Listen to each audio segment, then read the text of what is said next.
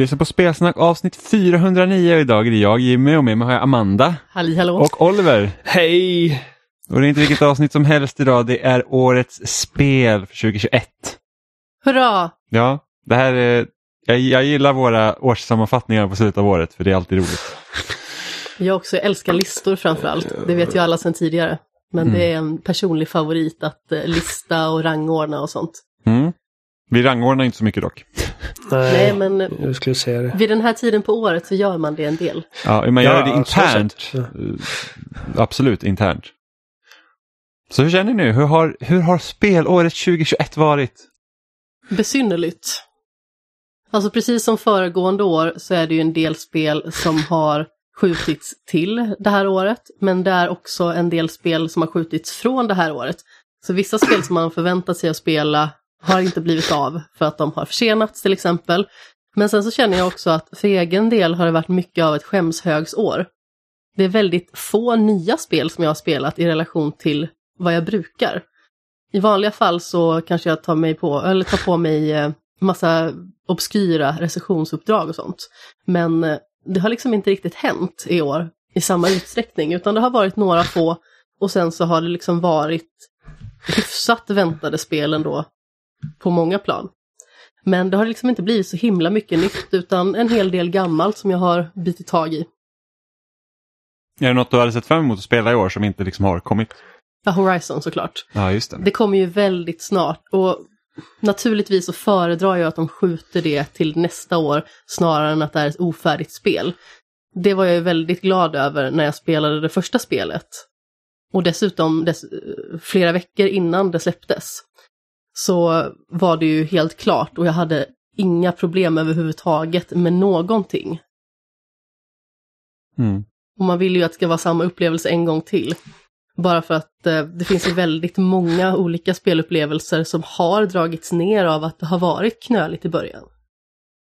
Ja, alltså om vi bara tittar liksom till exempel på typ Halo Infinite så känns det som att det har påverkats ganska mycket över rådande omständigheter också. Med tanke på att det saknar co-op och multiplayer och kampanjen släppte inte riktigt samtidigt och ja, det är en del som fattas liksom man tänker hur traditionellt ett Halo brukar vara. Men samtidigt så kanske de nog inte gjort ett bättre drag än att skjuta på det ett år. Nej, nej absolut, alltså, jag, jag kan inte ens tänka mig hur det här nej. spelet hade sett ut om det släppts ut förra hösten. Med tanke på liksom att det saknas fortfarande saker i det. Hade de plöjt ut det förra året tror jag att det hade varit en mindre mardröm. Ja, ja, ja men jag kan inte ens, jag kan inte ens liksom förstå hur... Alltså jag vet liksom inte riktigt hur, hur... Jag kan inte tänka mig hur spelet hade varit om det hade släppts förra året, Men alltså talat. är det ens samma spel tänker man ju. Det tror, jag tror att det hade varit... Jag tror att spelet hade varit ännu öppnare än vad det är. Jag tror att eh, de linjära delarna sattes... Ja, jag ska inte säga att de har gjort det på ett år, men liksom att, att, att strukturen för spelet har nog satts eh, under det senaste året. Medan liksom, jag tror att det hade nästan varit ännu mer öppet och kanske känns ännu mer som typ ett Ubisoft-öppet öppen värld än vad det gör. Fast med pang-pang. Ja, precis. Det är vad jag misstänker. Men jag kan inte veta säkert. Hur känner du Oliver? Hur tycker du att året har varit? Jag tycker året har varit, eh, alltså det, för mig har det varit ganska bra för att eh, jag har haft mindre tid att spela än någonsin och eh, eh, det har varit ganska, det, det har inte varit några månader där det varit liksom, åh gud, nu kommer liksom sex storspel som jag bara känner att jag inte får missa, utan det har varit ganska utspritt. Vilket, jag menar, ifall man har en massa tid att spela så är det inte det världens bästa grej, för då står man där liksom och inte har någonting nytt att spela konstant som, som du. Ehm, men... eh, Hallå?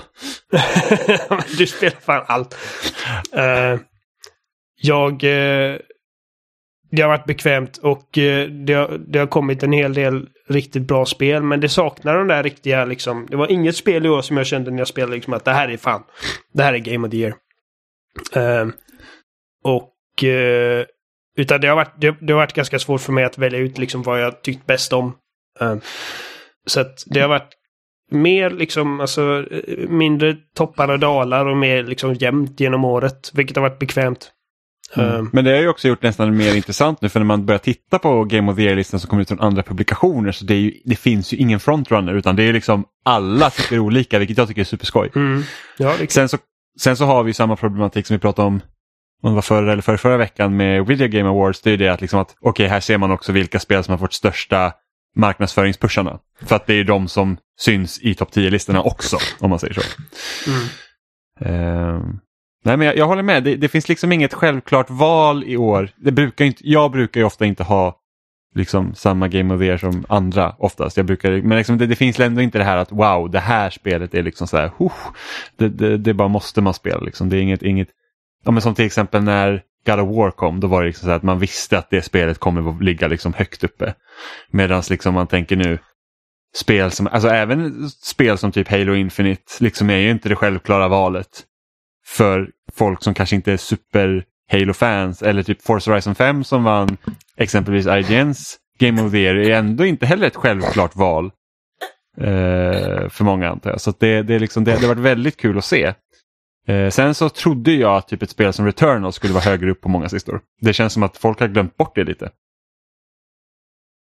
Eh, ja, um, jo det trodde jag också. Inte för att jag känner att det hör hemma där utan för att det var bara så mycket bass om det de första månaderna efter att det släpptes. Ja, ja jag, jag tycker Returnal är ett jättebra spel. Jag tycker att jag är förvånad över att inte fler har lagt det som årets spel. Mm. Jag tror att på vissa plan kan det nog vara lite av en vattendelare. I alla fall när det kom. I och med att nu har det ju kanske förenklats lite grann på vissa punkter. Men jag vet liksom många som gillar svåra spel och som gillar den här vidriga utmaningen. De älskar ju det. Mm. Men jag vet också många som är någonstans lite i mellanläget sådär. Som tycker att det blir liksom ett för stort åtagande och det blir för bestraffande. Mm. Samtidigt så här spel som Bloodborne och Dark Souls har ju liksom också vunnit Game of the Year och de är ju, skulle jag säga, ännu svårare. Men jag tror skillnaden, skillnaden för Returnal är att det är ett roguelite. Liksom medan i Dark Souls eller Bloodborne, liksom när du har klarat en boss så har du klarat bossen. Då har du liksom kommit vidare. Och sen så får du liksom kämpa mot nästa mål. Medan i Returnal så har du egentligen, du har, alltså halva spelet när du har kommit vidare den så blir det som en reset. Liksom. Att nu, okay, nu, har, nu har du kommit fram på den här progressionen och nu liksom kan du köra. Men progressionen är sällan belönande. Man kan liksom sitta i hur länge som helst egentligen och kämpa med att ta sig till slutbossen och så kan man dö direkt och sen så känns det som att man inte har vunnit så jättemycket på det. Ja, ja det finns under vissa tillfällen man kan liksom vara fast och det känns som att man gör något. Men samtidigt som när jag spelade Demon Souls i vintras så var det ju samma sak där. Jag var ju fast liksom på ett ställe i tio timmar. det, det, är, det är fortfarande helt bisarrt för mig tycker jag. Liksom att en invadar mig och dödar mig precis innan en boss vilket gör att mitt liksom world state blir liksom svårare. Ja, det och, det satt, och, det, och det liksom backade mig. Det tog tio timmar för mig att komma ut ur det. Jag är så ledsen för jag är så dålig på spel. Ja, alltså det var verkligen, jag var så jag ville spela men jag var inte tillräckligt bra. Det var Jimmy Seppele i sin sorgligaste form. Ja, det var det. det då man har men du har ju spelat ganska så mycket nytt. Vad sa du? V vad sa du Amanda? Du har ju spelat ganska så mycket nytt. Ja, men det har jag. Vad sa du Oliver? Då har man co-op. Jo, men vem skulle spela co-op med mig? Alla ja, var ju redan klara kunde... med spelet. Jo, men då hade du behövt ta dig dit i spelet. Det är inga problem.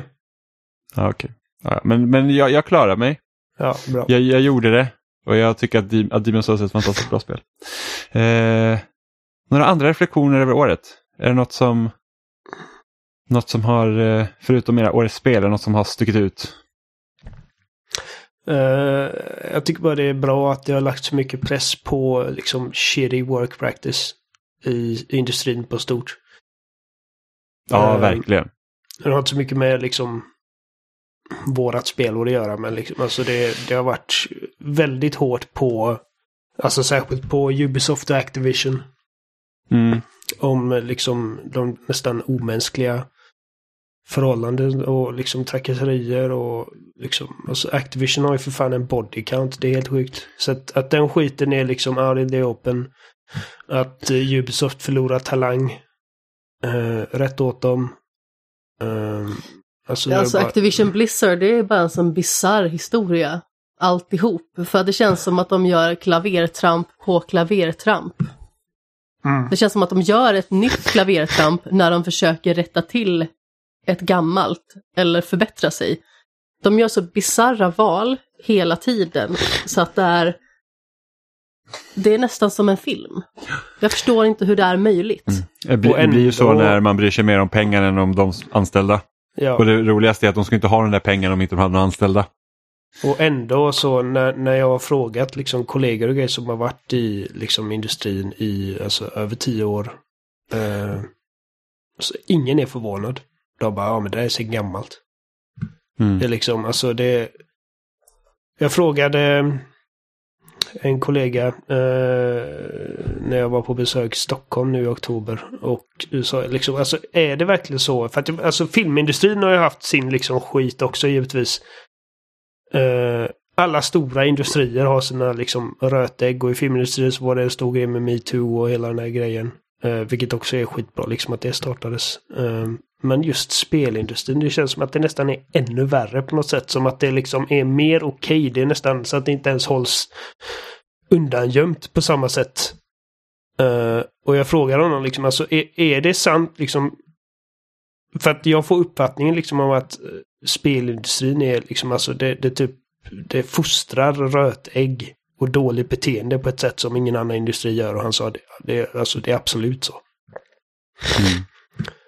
Eh, men alltså det har ju uppdagats så himla många olika företag med toxisk företagskultur så att det är ju bara sorgligt. Och någonstans så känns det som att det är väldigt få som har hittat någon form av formula för att göra det bättre på riktigt. Det känns som att man försöker ta steg framåt och sen så kanske händer någonting på mikroskopisk nivå. Men det känns ju som att man måste liksom börja verkligen från grunden och göra om strukturen i företaget helt och hållet för att det verkligen ska bli någon form av skillnad. Ja, så låter man nya företag få, eh, liksom, frodas istället för att eh, hänga kvar i de gamla. För jag, jag kan tänka mig att många spelföretag som startas idag liksom, eller utgivare och sånt, de, de liksom kanske bygger på en, en bättre kultur redan från början. Medan många av de här, liksom, EA, Activision, Ubisoft, det är liksom företag som är de som sitter i toppen där, de har varit med från början, de kanske till och med varit med och grundat företaget. Och sen så de har liksom, det, det är liksom, det har liksom, alltså de har haft tur. De hittar en hit, de har jobbat med sina kompisar, alla är killar, män. Eh, och sen så liksom bara så här att ja, de har kanske redan sett sig liksom lite som utbörlingar som töntan eller nördar. De har tittat på all, liksom, random high school-film, liksom, hur, hur man grupperar människor redan där. Och liksom bara så här, fostra det här beteendet. Ja, men det är de som har intresserade det här, de är utsatta. För det ser man också liksom, då, kan man säga, gamern så att säga, tycker liksom att, att jämföra sig själva, liksom, att de är utsatta precis som typ om en slaveriet på liksom, 1800-talet. Och bara säga att ja, så är det ju verkligen inte. Och liksom att man, man liksom har den här offerkoftan på sig hela tiden vilket gör att om man är så utsatt och sen så samtidigt ska man då kräva att få saker som du inte är berättigad till. Det är liksom, liksom en ond spiral. Så det är nästan bättre liksom bara säga att de här jäkla stora företagen bara liksom, nästan så här, bränn ner dem bara. Liksom, skit i, alltså det är ingen, det är ingen idé. Men om vi tar nya företag så är det förmodligen många som kanske lider av den kulturen. Ja, ja. Som landar i de här nyskapade studiosarna. Ja, ja, jag säger liksom inte att det är jag säger inte att det liksom är på, löser det automatiskt men jag kan tänka mig liksom sådana här stora liksom företag där, där liksom ledningen sitter och håller varandra om ryggen för att de har fostrat det här beteendet liksom i 20-30 år. Nej men alltså jag menar att säga att någon blir drabbad och sedan så är den med och startar upp en ny studio. Då är det kanske inte så konstigt att den värdegrunden och att beteendet blir annorlunda. Ja men så är det. Jag tror en, en, en av mina absolut, alltså känner mest typ smärtsamt i de här liksom grejerna det var ju det att eh, även på Fulbright så verkar han Steve Gaynor så här riktigt jävla svin liksom. Och liksom främjar eh, liksom manliga kollegor framför kvinnliga och liksom så här, eh, bara be beter sig asigt. Nu tror jag inte att det i alla fall är så här sexuella trakasserier men det är fortfarande inte bra. Man ska aldrig säga aldrig, det har man lärt sig. Nej, nej men precis, men det var ändå så här typ att ja, han, han har väl tagit ett steg tillbaka nu i alla fall och sådär. Men det är skittråkigt, speciellt för en studio som har stått bakom typ som så här Gone Home och, och nu minns jag inte vad deras andra spel hette, men det, det är liksom det är skittråkigt där. Uh, så att, ja, nej men och sen så att det är att fack. Alltså så att folk rör sig mer fackligt och startar fack för spelföretag eller spelindustrin. Så att de liksom får vettiga avtal och får eh, eh, bra villkor. Det är, liksom, det, det är en väg och det, och det är ju tråkigt i USA för att de är så jäkla motarbetande mot fack. Liksom. Eftersom deras definition av då liberal frihet är att företagen kan göra vad de vill men den lilla människan glöms bort. Även om det borde vara tvärtom. Eh, ja, men det, det, är i alla fall bra att det är på G. Det, det, det krävs ju liksom att det, det händer någonting. Så är det ju.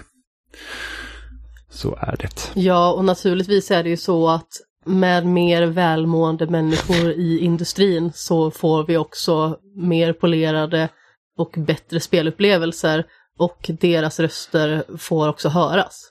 Ja, absolut. Men visst, vi kan ta ett företag som Ubisoft som inte har gjort någonting åt dem, liksom, den problematik som ligger i företaget men de hoppade snabbt som fan på NFT-vågen. Liksom, så att, ja, det är som det eh, Ja, men det, det, det är bra Eh, att, att det kommer upp till ytan. Men eh, vi ska ju fortsätta med eh, årets spel och eh, precis som i vanlig ordning så att om ni är nya lyssnare till exempel inte varit med förut och vet eh, hur det här går till så är det att vi har bjudit in alla gäster under året så de har fått berätta om sitt eget eh, spel helt enkelt. Så vi listar inte internt så här, liksom att Åh, nu kör vi en topp 10-lista för spelsnack utan alla får berätta om eh, vilket spel som de har tyckt bäst om. Och vi sätter ingen annan värdering i det helt enkelt. Eh, så att vi har en, en, helt enkelt, det blir en lista med spel som alla är bra spel som ni borde spela om ni har möjlighet. Alla har varsin favorit helt Ja men precis, alla har sitt årets spel. Så att det, blir, det, är ingen, det är ingen utslagstävling, det är ingen definitiv lista utan vi har bara en rad bra spel som folk har spelat under året. Eh, och då tycker jag att vi drar igen, är igång direkt med våra gäster. Så först ut är Ida Allander och som följs av Mats Nylund. Jag sitter här med Ida Allander idag. Hej Ida! Hallå! Och idag ska vi prata om årets spel för 2021. Ja, det är galet, men det är dags. Ja, det känns ju inte som att det har gått ett år sedan igen. det liksom har, ska prata om de här grejerna. Det bara dyker upp på en helt enkelt. Ja, men den här åren känns, eller här åren, nu det här året känns i alla fall klockrent på något sätt när det gäller just det här ämnet. Jaså, så du mm -hmm. har liksom en solklar favorit om andra ord? Ja, det här året var det lätt. Jaså, så vilket Mm-hmm. är ditt årets spel i år? Vi ska alltså hoppa rakt på det på en gång. Det, är tycker så. jag. ja, men det är bra. Jo, eh, folk som har följt mig på, eller följer mig på sociala medier kanske har sett att jag skriver väldigt mycket om det här spelet. Och det är ju Returnal. Jaså. Definitivt, definitivt Goti. Ett av de bättre spelen jag har spelat på väldigt många år. Hur kommer det sig? har, har du själv kört det eller? Jag har spelat Returnal, ja det har jag gjort. Men det blev inget Goti för dig kanske? Eh, nej, men det ligger nog topp fem. Ah. Nej, det är magiskt det här spelet. Eh, jag visste inte så mycket om det innan, innan jag hoppade på det. Det är lite min grej sådär att inte förbereda mig. Eh, men jag hade ingen aning om att jag skulle bli så uppslukad av det. Jag fick ungefär samma känsla som när jag hoppade in i Bloodborne faktiskt. Det här med den här magiska miljön när man kommer in i, man förstår inte riktigt vad det är som händer. Det är någon mystisk berättelse som sakta eh, liksom avslöjas under resans gång. Eh, de här, vad ska man säga, jag kallar ju, jag sätter ju mina egna namn på man möter, men Jocke med kniven och alla de där, ni vet, ni känner igen dem från spelet. De är ju helt magiska alla motstånd och miljöerna, ljuddesignen, alltså jag vet inte, jag kan inte få nog av det. Allt är klockrent. Ja men det är väl lite som du säger, jag tänker också med Bloodborne där att alltså, båda de här spelen, de liksom, alla dess element gifts samman Mm. så bra. Mm.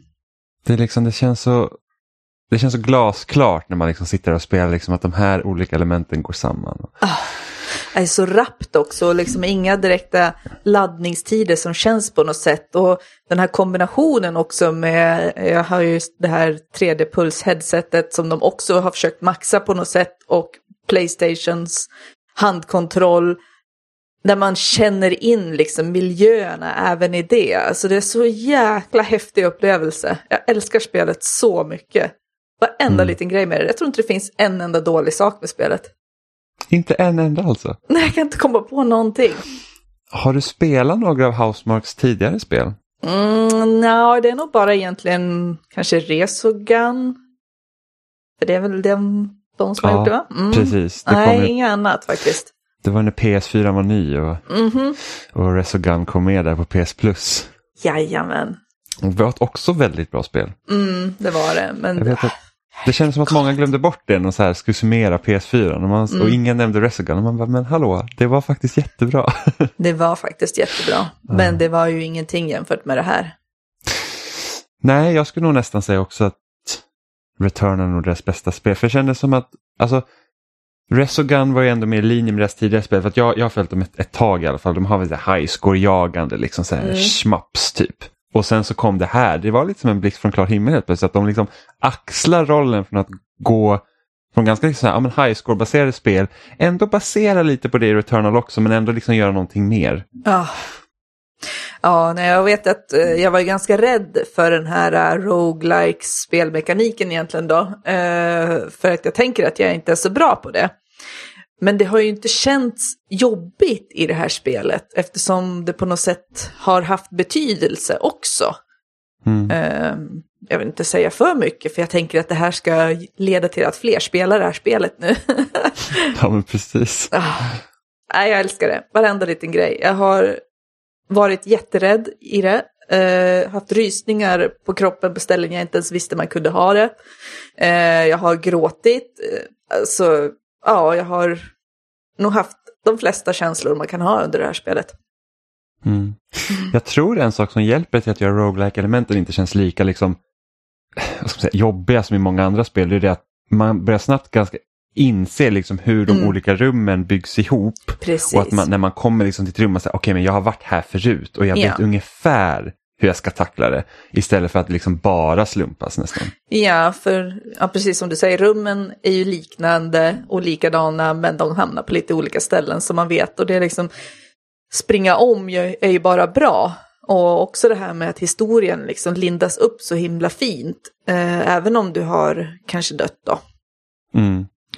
Ja, det är men magiskt. precis. Jag blir nästan lite tårögd när jag pratar Ja. om det. Ja, jag tror ju, alltså jag tror att det, det som fick mig liksom verkligen att, alltså först när man börjar med liksom spelet kändes det, ja men det här känns nästan som ett Metroid, liksom Mhm. i, i, från någon annan gjort det. Och sen tror jag att när man kommer till, liksom vad ska säga, mittpunkten av spelet, alltså det Ja. var som en riktig så här liksom gut punch. Man var så här, åh herregud, liksom, vad, vad, vad är det som händer? Ja, när jag började förstå vad det egentligen handlade om det här. Alltså det var ju ja, verkligen som du säger en gut punch. Mm. Det vände men liksom om allt. Ja, men liksom lite så att det, typ vänder i magen på en också. Man Mhm. säger, tänk om man själv hade råkat ut för det där, liksom, det, vilken, vilken, vilken smärta. Ja, ja. ja det är definitivt Goti och jag har jättesvårt att se eh, något som har varit så här bra de senaste åren. Ja, sen typ Bloodborne då. Mm. Ja, men det, är- det är alltid roligt när man kommer till liksom, så här insikt att gud vad bra det här var. Nej, jag vet nog. Jag vet inte om jag vill spela om det nu direkt. Jag har kört eh, innan de här uppdateringarna kom där man kanske kunde ha lite mera checkpoints och liknande. Eh, jag körde det direkt när det kom då, men framöver så tror jag att jag vill dyka in i det igen. Men nu Mm. känns det som att jag verkligen har vänt upp och ner på allt som går i det där spelet. Och det gör jag väldigt sällan med spel. Alltså jag kan spela igenom det, sen känner jag så här, ja men det var ju bra. Men det här, det var så här, okej nu har jag spelat igenom det, eh, men jag vill in i det igen. Eh, och jag vill in i det igen, och jag vill in i det igen. De har väl teasat någon expansion eller någon form av DLC. så Ja, att man får hoppas att ja. det kommer. Mm, jag håller tummarna för det. Ja. Ja, Jag hade ju lite oturen så att eh, spelet åt upp min sparfil så jag har inte klarat det. Va? Åh nej. Nej, jag var nära. Jag, jag recenserade spelet så jag spelade Mm. innan dag ett patchen Då fungerade Ah. det relativt bra. Mm. Sen förstörde patchen spelet. Och jag sa så här, ja men då väntar jag med att liksom klara ut det tills det liksom har stabiliserat sig lite. Men sen kunde jag inte hålla mig. Så att jag Mm. startade spelet i alla fall. Det frös i en laddningsskärm och då försvann min sparfil. Ja, vad trist. Och, och spelet fort som attan laddade upp den filen till molnet. Så jag hade liksom ingen backup att ladda ner. Så, jag var så, så nu har jag väl kommit till tredje världen andra gången. Då, men Mm. så, Ja. ja. Jag vet ju också att det pratas mycket om svårighetsgraden på den här. Eh, och jag kan ju inte uttala mig för andra och jag lägger liksom ingen åsikt i huruvida man ska ha lättare eh, s- svårhet, eller vad man säger, Ja. i det. Men för min del så har det varit otroligt... ehm, ja, det har ju utlöst väldigt mycket känslor sådär, att när jag väl har klarat en sak som har varit så förbaskat svår, alltså något som jag har hållit på med länge och så klarar man det. Alltså, jag vet inte, men det om något får ju mig att verkligen skratta och gråta i ett och bli jättelycklig. Och det är samma känsla som jag hade eh, med när Ludvig föll i Bloodborne. Och det är liksom de här känslorna som jag känner igen, de här eh, känsloyttringarna som spelet har gjort med mig. Och, och det vill jag verkligen höja ordentligt. Det här har de gjort riktigt bra. Mm. Mm. Ja men det är något som genomgår i de här spelen. Det är att man liksom säger att man, man hittar nästa genväg eller man hittar nästa Mm. så här att nu vet jag att nu har jag kommit liksom en bit så att när jag dör och får börja om Mm. så har det hjälpt mig något. Ja, Eh, för det var ju så i Bloodborne, liksom, var jakten på nästa lykta. Och sen när man Precis. visste att nu har jag kommit långt och jag Mm. vet inte vart nästa genväg är någonstans. Och man börjar treva och liksom ta det försiktigt. För att jag har så, det är så mycket som står på spel nu så det, Mm. det är någonting alldeles extra. ja det är bra. Mycket Mm. bra, men det är mitt Goti. Ja, ja men vad Mm. roligt. Tack så mycket Ida för att du ville dela med dig av det. det fantastiskt. Mm. Jag har en liten bonuspoäng också till Lost in Random, men det behöver jag inte säga mer om. Men de förtjänar jättemycket kärlek för ett bra spel i år. Ja, det är något som jag själv inte har spelat faktiskt. Mm. Eh, än. Man får se när man hinner med allt man missar. Ja, men absolut. Men, men det är så, kan jag nog tänka mig så här mellandagsmysspel annars, så det kan jag tipsa om. Ja, ja, men det är, kanske man kan titta in. Det är säkert bra på rea också. Ja, Ja. det är värt det. Men, men allt. tack igen Ida för att du Tack berättade om ditt själv för att årets du fick vara spel. med. Ja, så får vi ses när vi hörs nästa gång så att säga. Absolut, och god jul till alla. Ja, ja, och mycket, god jul. jag önskar alla en riktigt korvfylld jul. ja, mycket korv. Prinskorv, eh, Ja. vad annan korv man brukar äta, all korv. Ja, det är bara jul. griljera och köra. Ja, men precis. Då säger jag tack Ida och tillbaks till podden. Och då sitter jag här med nästa gäst som alltså är Mats Nylund. Hjärtligt välkommen! Tack! Är det, ja, det är tredje eller fjärde gången jag gästar. Fast det här är bara en minigästning. Ja men precis, alltså, du gästade ju i somras i själva spelsnack. Och då hade du lite prat om eh, Valheim bland annat. Visst var Ja, det så? precis. Och sen snackade vi skräck. Du hade förstört min... Eh, förstört typ två dagar för mig genom att tipsa mig om eh, Midnight Mass. Ja, jag ber om ursäkt. Så jag försvann två dygn när jag ska kolla på hela. Nej, det var, vad var det, sex timmar någonting. Ja men det var värt det kan jag ändå känna. Ja, det var definitivt värt det. Och sen så var du ju med i avsnitt nummer 400 också. Ja, det var jag också. Mer, Så du har varit med mycket nu den senaste tiden. Vilket Ja. jag tycker är roligt naturligtvis. ja, och jo, sen nu nu när vi hade ett tillfälligt avbrott i pandemin och Nördigt kunde vara på studion igen, då var jag nästan varit med mer hos dig än jag varit med i Nördigt. För att vi, jag inte kunnat eh, spela in de tiderna. Ja, jag förstår. Jag får försöka kalla in dig oftare då så du får podda oftare helt enkelt. Ja, men nu verkar som tur är pandemin var tillbaka så nu blir det mer morgonpoddar och då kan jag vara med. Härliga tider. Ja, Men hur är det med dig för övrigt Mats? Är allt väl? ja det är bra. Det är vinter, det suger ju, men det går väl över. Jag är extremt besviken över att snön just har regnat bort här. Ja, jo, det var, det var snö här i två dagar, tror jag. Idag var det plus åtta. Ja, nej, men samma här. Ja, Men som sagt, jag hade så himla gärna velat ha snö på jul, men det var väl lite för mycket begärt antar jag. ja, ja det är ju inte för sent, men ja, förmodligen inte. Men jag är nog inte ledig på jul, jag ska jobba då. Så. Ah, jag förstår, jag förstår. Men eh, år 2021 Mats, Mm. hur har ditt spelår sett ut? Har det liksom varit ett mellanår som det har varit för vissa? Har du skaffat nya konsoler? Hur har du liksom ställt dig till de nya titlarna? Har någon skaffat nya konsoler? Det gick ju inte. Jag har, nej men, Ja, nej, jag har, jag har varit med i någon utlottning om för att få köpa en PS5, men jag har inte vunnit så jag har inte fått köpa någon. nej men det är knivigt att få tag på dem där alltså. Vi hade en Ja. väldans tur faktiskt, måste jag säga. Men jag, det är inte akut för mig. Jag har ju en PS4, jag har ju 2000 spel på den så jag inte ens har spelat. Så det är egentligen mest för att det skulle vara kul att ha en. Men sen så har du ju faktiskt också en PC att spela på, eller hur? Ja, men den börjar bli lite sliten känner jag nu. Jag satt och spelade Icarus som har skithöga systemkrav. Och insåg att den här datorn det sjunger på sista versen. Aj då. Ja, det var ju lite olyckligt. Ja, men det går ju fortfarande att spela det mesta. Men det är ändå det är ett fyra år gammalt grafikkort tror jag. Så det, det är väl dags. Om när, när det går att köpa grafikkort igen är det dags. Ja, men precis. Men hur har året sett ut i övrigt liksom? Har du konsumerat hyfsat mycket nya spel eller har det varit mycket tillbakablickar eller någonting du har fastnat extra mycket i? Det har inte varit så mycket nya spel för mig. Jag menar, jag har ju provat en hel del som har kommit, liksom Battlefield och klart och sådär, men jag har inte riktigt fastnat i någonting nytt tror jag. Utan det har varit, för mig har det varit spela ganska mycket gammalt som jag inte riktigt har hunnit med. Skämshögen, ord. Ja, lite så, men jag menar, jag har tagit, plockat upp, eh, vad heter det, eh, gamla Ghost Recon-spel och eh, Snowrunner som eh, jag började spela förra sommaren. Och sen i år så har jag liksom, så kom det skitmycket DLC till det. Och jag, ja, det har jag spelat hur mycket som helst i princip. Det är jättegammalt, men det är fortfarande bra. Vad kul, du har haft roligt med det då i alla fall.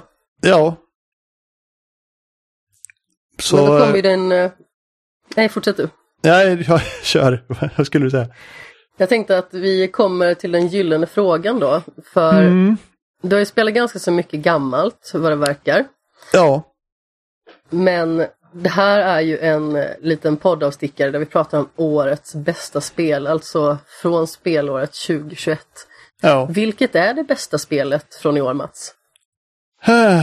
Alltså jag har väl egentligen två svar på den frågan. Kör i vind. För Alla att, regler eh, är tillåtna. egentligen det bästa, om man ska säga, det jag sett fram emot det mest, me- mest emot det som jag tyckte var roligast att det kom var ju Flight Simulator. Ja, ja, För det har ju såklart. varit liksom tio år sedan det kom en riktig flygsimulator senast. Och, är, och Mi- Microsoft levererar ju verkligen. Det, det är liksom, du kan flyga över hela jorden, du kan se ditt hus. Det finns med, modellerat. Eh, så det är liksom, det är en helt fantastisk prestation. Sen har det sina brister, men ändå, det är liksom den första riktigt stora flygsimulatorn på tio år. Det är ju fantastiskt. Ja, vad roligt. Eh, Ja, så där, där de verkligen lyckats. Det är skitkul. Men det spel som jag nog har spelat mest eh, är nog faktiskt Farming Sim 22. Det känns ju väldigt mycket som ditt varumärke, va? Det gör ju lite det. Eh, det här simulator-Mats är kanske inte helt oförtjänt. Nej, men exakt. Och simulator, söndagar och dylikt. Ja, Det hänger men jag i. menar, jag gillar ju alla sådana här spel där man, ja, dels som man kan samla pluppar, det kan man kanske inte göra så mycket i Farming Sim. Fast det finns pluppar i det här, inte så många. Eh, men spel där man liksom bygger sig ett liv på något sätt, den här, man bygger illusionen av ett liv. Det, det kanske är för att jag sitter hemma i min lägenhet och det är mörkt och regnigt och jag inte kan flyga liksom. Nej, men lite spel att förlora sig i. En liten verklighetsflykt Ja. kanske. Precis, och det, där är Farming Sim perfekt. För det finns inget mål, du kan egentligen inte förlora eller vinna. Det, det är liksom... Du bygger din lilla gård och den blir bättre och bättre. Du köper finare och finare traktorer och ah, det, det är så mysigt. Jag vet inte vad det är egentligen. Ja, men finns det någonting du liksom kan komma och tänka på så här att just det här spelet träffar liksom rakt in i ditt simulatorhjärta på grund av? Alltså det är ju sådana här spel. Det, det är väl Farming Sim och det är The Hunter och några sådana här. Därför att man märker att de som har gjort dem eh, älskar det de gör. Liksom. Att det här, de, har gjort det här spelet för att de vill göra ett spel om traktorer eller skjuta djur i skogen eller vad det nu är. Liksom. Det är alldeles för få spel som är sådana i, i den genren. Det är mycket som är bara utpressat för att tjäna lite pengar på de som går och köper de här grejerna i reabackarna. Liksom. Ja men exakt. Men, Men här det- är det är folk som har gjort kärlek, spel som är väldigt förgrenade liksom. Ja, och det är samma med Flight Sim fast i kubik då. Det är verkligen ett spel som är gjort av folk som älskar flyg och allt som har med det att göra och det märks. Ja, jag har bara observerat det lite på håll och som sagt, jag har inte bekantat mig vidare mycket med något av dem utan bara liksom sett dem lite i periferin sådär. Mm. Hur många timmar har du lagt ner på det här nu? För jag antar ju att det är många. Eh, alltså det var, du har ju spelat Farm Sim 19. Eh, som... Eh, nu ska det, det slutade jag spela då när 22 kom i höst. Där har jag tydligen lagt ner 1010 timmar. Wow! Och 22 då som kom för typ en månad sedan 129. Ja, det är starkt jobbat ändå, måste jag ju säga. Ja, men det är sånt spel. Det är i och för sig ett sånt spel som man faktiskt kan eh, spela samtidigt som man gör annat. För man kan ju säga, du kan ju börja så ett fält och sen bara, ja visst fan jag måste göra disken. Då kan du sätta AI på så färdigt. Och, och det är man rätt kan skönt liksom, att ha sådana spel också där man liksom så här, ja men okej, jag kan faktiskt springa på dass medan den här simmen gör det här. Ja, exakt. Och jag, jag har ju börjat eh, av någon jävla anledning titta på Critical Role. Ah, Det borde jag inte ha gjort. Men det, då kan jag ju liksom vara på det i bakgrunden och så här hoppa emellan. För det är så här, man måste ju inte se vad de gör hela tiden, för de pratar ju mest. ja, men det så är ju du- väldigt skönt för hjärnan kanske, att bara liksom få slappna av och mysa lite. Ja, Då kan så man ju liksom, kanske dubbelmysa. ja, när jag klipper och balar gräs till mina får i Farming Sim så kan jag samtidigt ha Critical Role i öronen. Liksom. Det, det är jättemysigt. Ja, vad härligt. Men så jag kan känna igen det där. Typ att man har en podd på eller dylikt Ja, och så kanske man drar också. en match i Fifa eller spelar Fall Guys eller vad det nu kan vara. Ja, Det är ju väldigt lättsamt och det är ju någonting som gör också att man känner att det blir liksom ganska anspråkslöst. Och det är väl någonting man kanske behöver just nu när det liksom inte riktigt eh, ser så himla ljust ut världen över. Det kanske Ja, såg lite ljusare det. ut för ett tag sedan i alla fall. Men eh, ja, som sagt, vi är ju fortfarande långt ifrån där vi var innan pandemin så att säga. nej, vi kommer ju precis. förmodligen kanske aldrig helt komma tillbaka utan det finns ju nya normala situationer som skapas. Ja. Nej, sen är det klart att det är många spel som har fastnat i huvudet lite grann. Det är mest sådana som jag har spelat med andra eh, förstås. De är, det är alltid kul, det spelar inte så stor roll vad det är för spel. Eh, satt och spelade Icarus som jag, som jag nämnde. Eh, och det är ju inte, det är knappt färdigt liksom. Det är lite alfa, eller vad ska jag säga, lite early access-känsla på det. Men det är ändå kul när man är flera. Vad går det ut Eh, på?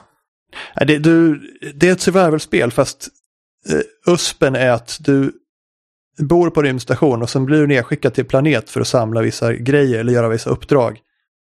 Och varje gång så börjar du om. Så det är liksom, Okej. du har din XP och du har liksom de eh, blueprints du har samlat på dig så du kan liksom, du vet hur man bygger ett hus och så. Men eftersom det är vansinnigt väder på den här planeten som förstör allting hela tiden så varje gång du landar måste du börja om, bygga ett nytt hus, eh, bygga nya redskap och allt sånt där.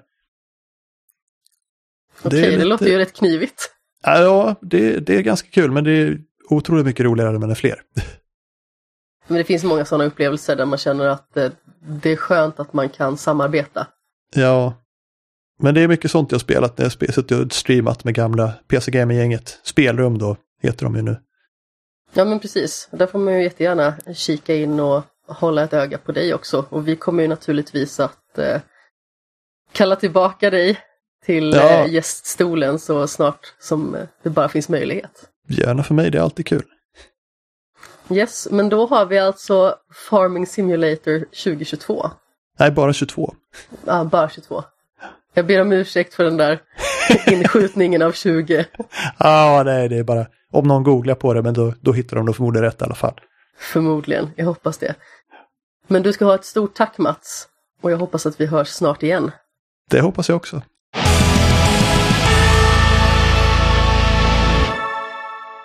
Och då är vi tillbaka. Tack Ida och Mats. Det var kul att höra om, eh, om era spel.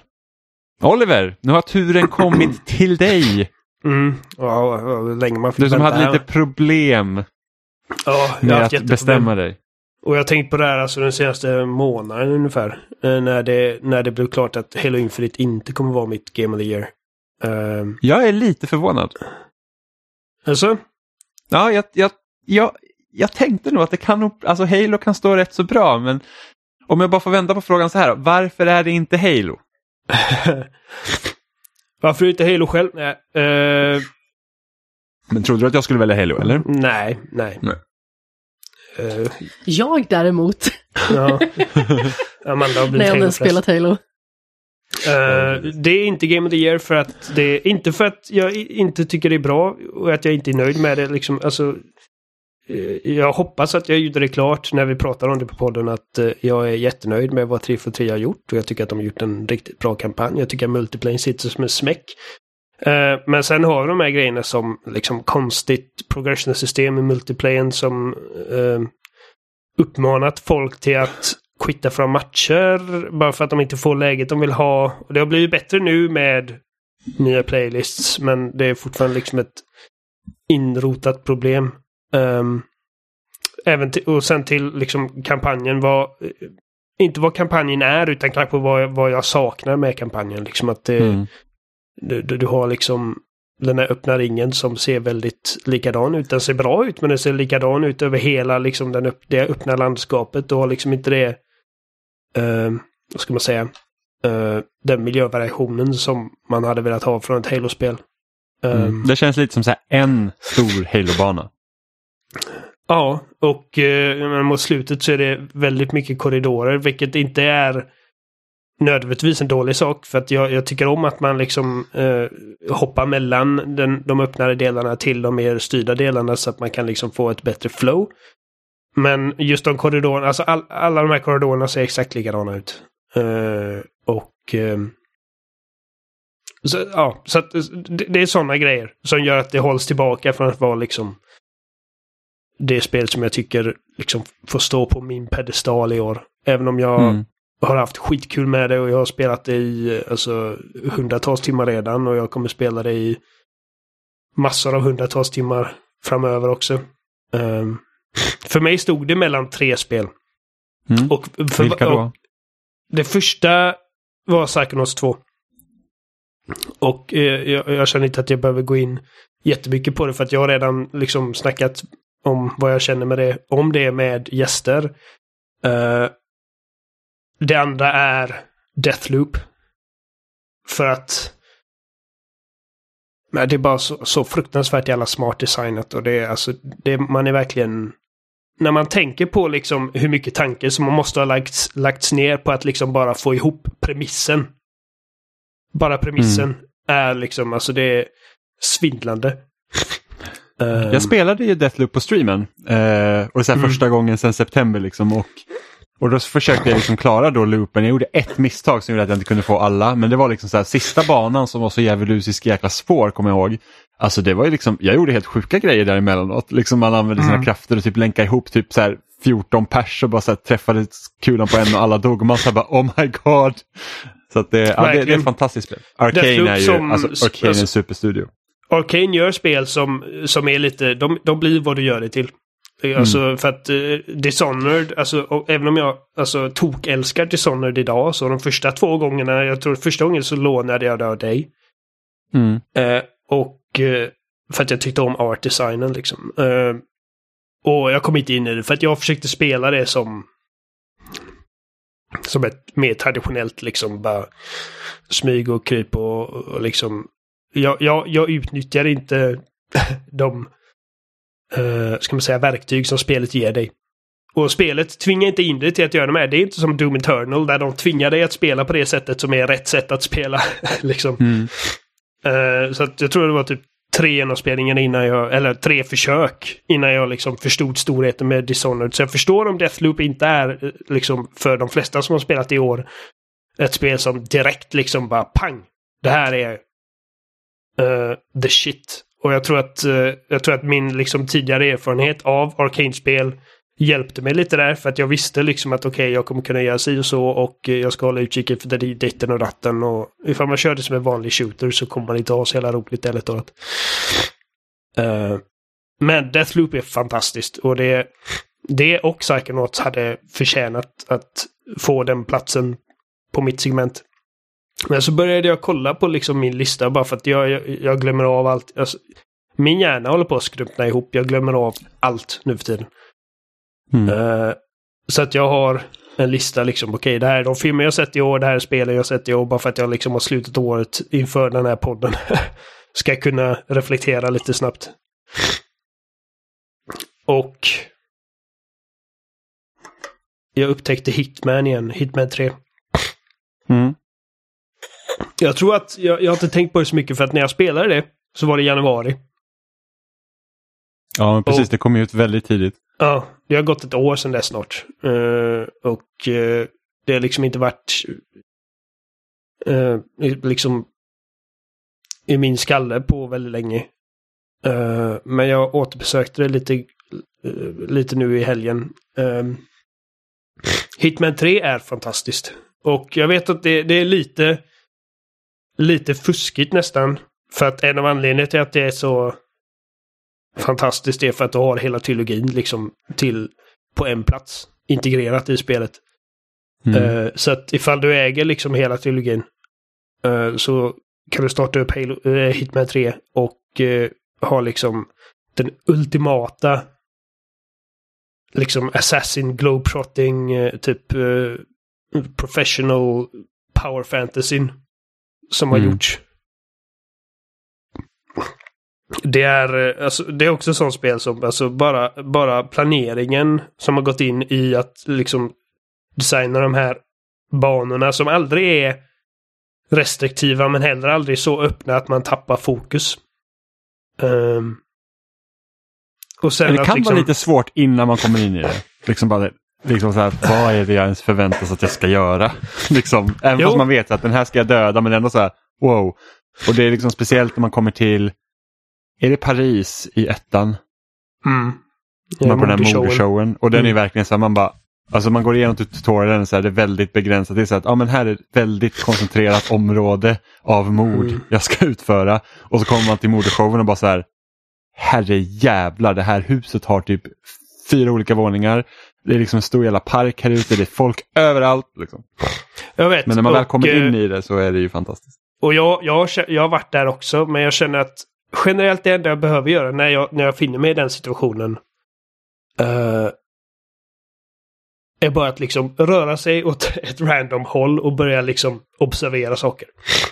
Eh, lyssna på konversationer. Alltså jag ursäkta att jag är så snörvlig. Jag, det känns som att mina bihålor är proppade med plutonium. Men observera sina omgivningar, lyssna på konversationer. Alltså eh, det flesta, det bästa grejer som finns på banorna finns där av en anledning och eh, är en liksom del av ett, av liksom en liten pusselbit i det stora pusslet. Eh, Hitman är också, alltså det, det är ett av de mest omspelningsbara spelen som, som, som jag spelat för att det, alltså det finns så många olika scenarios och så många, alltså liksom the sky is the limit. Eh, så att eh, man kan köra liksom den Parisbanan. Jag har säkert kört den 25 gånger minst. Eh, och liksom Mm. det finns så många olika sätt att, att ta sig an samma liksom grundläggande premiss. Att de här två personerna ska dö. Och, eh, och det finns jättebra liksom hintsystem. Jag vet att det finns purister som vill stänga av allt sånt och så finns det också folk som rekommenderar att man stänger av allt sånt. Vilket gör givetvis att belöningen blir mycket större när du har liksom helt själv utan tips eller någonting, utan vägledning och lyckats pussla ihop de här grejerna men jag är inte smart nog. Uh. så jag känner att det, det är inte ett spel som är svårt att rekommendera. Jag, jag skulle inte säga att ah, det här är omöjligt att komma in i ifall man inte gillar ställspel eller vad det är. kanske Jonas Mäki som, inte, som, som absolut inte hade kunnat komma in i det för att han är historiskt världsusel på ställspel. Um, Det låter som jag. Jag är så himla imponerad av alla som verkligen kan ta sig an Hitman. För jag hamnar alltid i en låda någonstans och kommer aldrig därifrån. det, det, det är bara att klä ut sig till någonting annat så slipper du gömma dig. Och så... eh, Jag, jag följer för de här spelen i våras. Alltså äntligen, jag har haft jag var ju så sugen på första Hitman när det, började, när det släpptes episodiskt och jag var så här, det här är perfekt. Liksom, att liksom kunna köra en bana i taget och bara liksom nöta in den. För att sen riskerar man ju att paketet blir för stort. Liksom man får det här, jag vet inte riktigt vad jag vill göra. Det finns så himla många möjligheter på den här specifika banan att jag vill inte gå vidare men sen vill man inte stanna. Det är liksom massa problem. Så att jag har försökt flera gånger att ta mig in i det och sen inte lyckats. Och sen var den här banan i Hitman 3 när man typ skulle lösa något så här typ mordmysterium. Typ. ja, den andra banan. Ja. Var- Och jag var så här bara, jag vill så jättegärna köra den banan. Så att jag bara, men jag kan inte spela Hitman 3 innan jag spelar ettan och tvåan och jag äger ju ettan. Så då hoppade jag in i ettan, tog alla achievements. Liksom, jag, Åh, jag verkligen var så här, jag bara, jag älskar det här spelet. Bara, tog allt hoppa in i tvåan, har inte tagit allt i tvåan för att de har liksom sagt, de bara, ja ah, men vi tar första spelet och så bara copy-paste in i andra spelet. Ja. De var så här, de var så här, jag vill inte göra allt det här igen. Men så jag har ju spelat i alla fall de nya banorna i tvåan eh, och gjort en del grejer men sen var det så att nu känner jag mig lite mätt på Hitman så att jag kan inte liksom, jag kan inte ta allt här också. Eh, och, och liksom känna mig liksom Nej, så att jag jag har. Och det kan bli matigt någon- för man kan, man kan liksom sitta på en bana i timmar. Liksom. Ja. Eh, Eh. och bara, Och jag äger Hitman 3 men jag har inte spelat den. nej. Alltså Hitman 3 är fantastiskt. Det, det, det är så jävla bra. Eh, och eh, men det är dags för lite dansk kärlek i den här podden tycker jag. Jag måste säga ändå att det är så, jag är otroligt glad över att de fick, att, att när Square liksom släppte dem, att de liksom inte behöll Hitman utan att Ja. IO fick liksom sitt eget IP tillbaka och liksom kunde bygga Absolut. vidare på det. För det, det verkar ju liksom i alla fall gett dem, det har gett dem avkastning. Alltså Ja. Hitman 3 är väl typ deras största succé på jag vet inte hur många år. Så att eh, det är skönt. Och nu ska Och de nu ju, har det är de de som gör James Bond va? Precis. Precis. Eh, och det, Vilket är perfekt, alltså det är match made in heaven.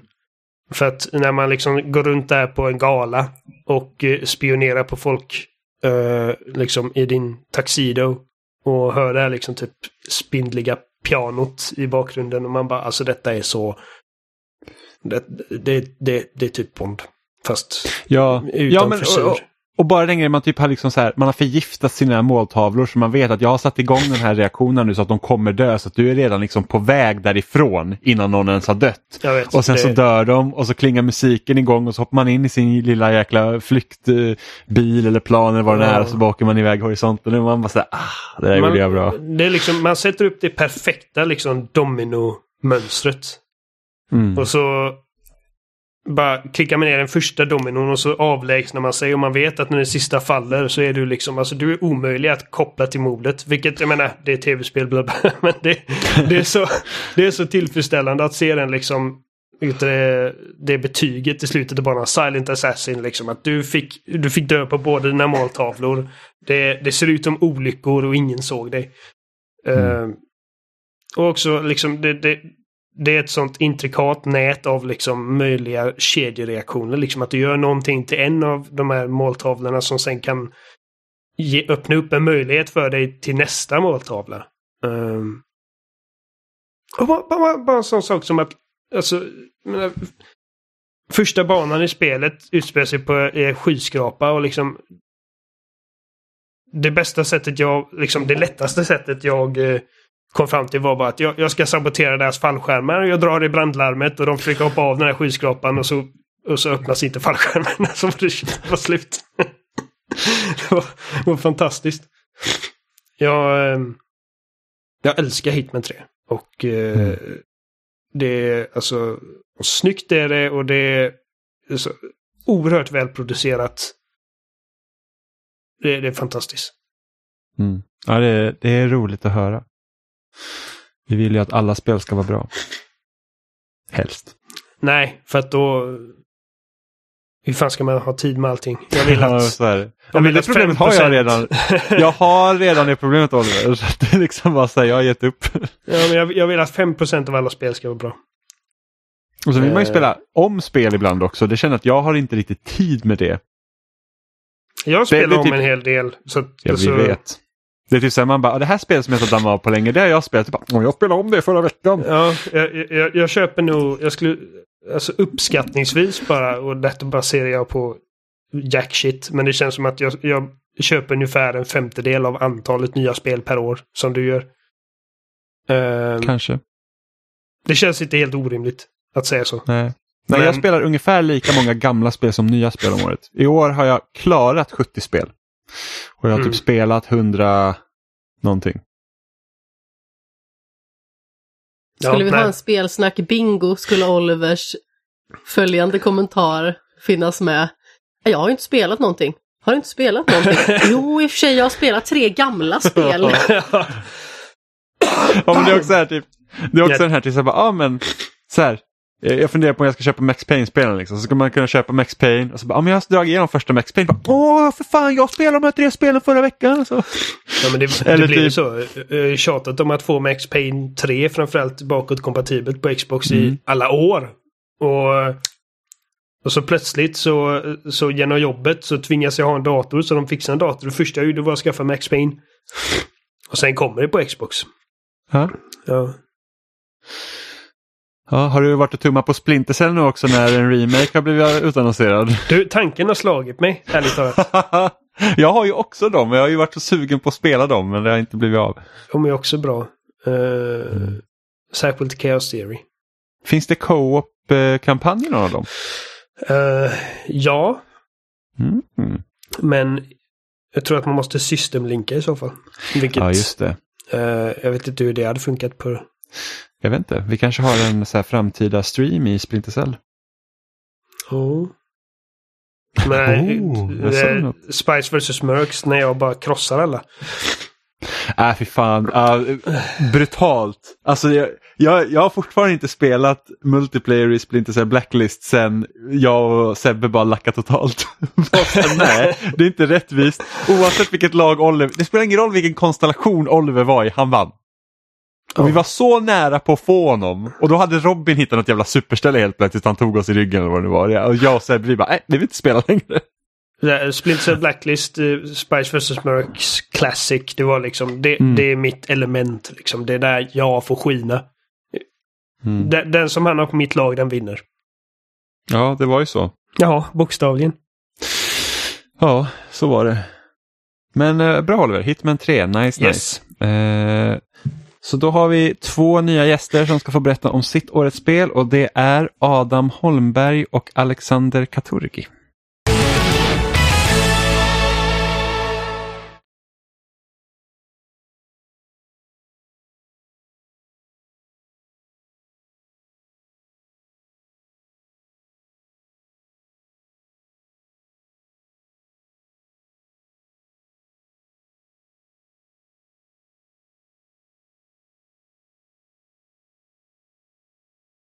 Men jag menar att vi liksom...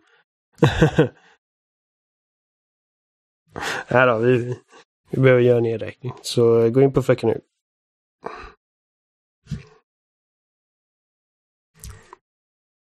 Inspelningen är igång. Fröken Ur är igång. Okej, nu kör vi bajs på 10. Bajs. 15. Bajs. Bajs. 20.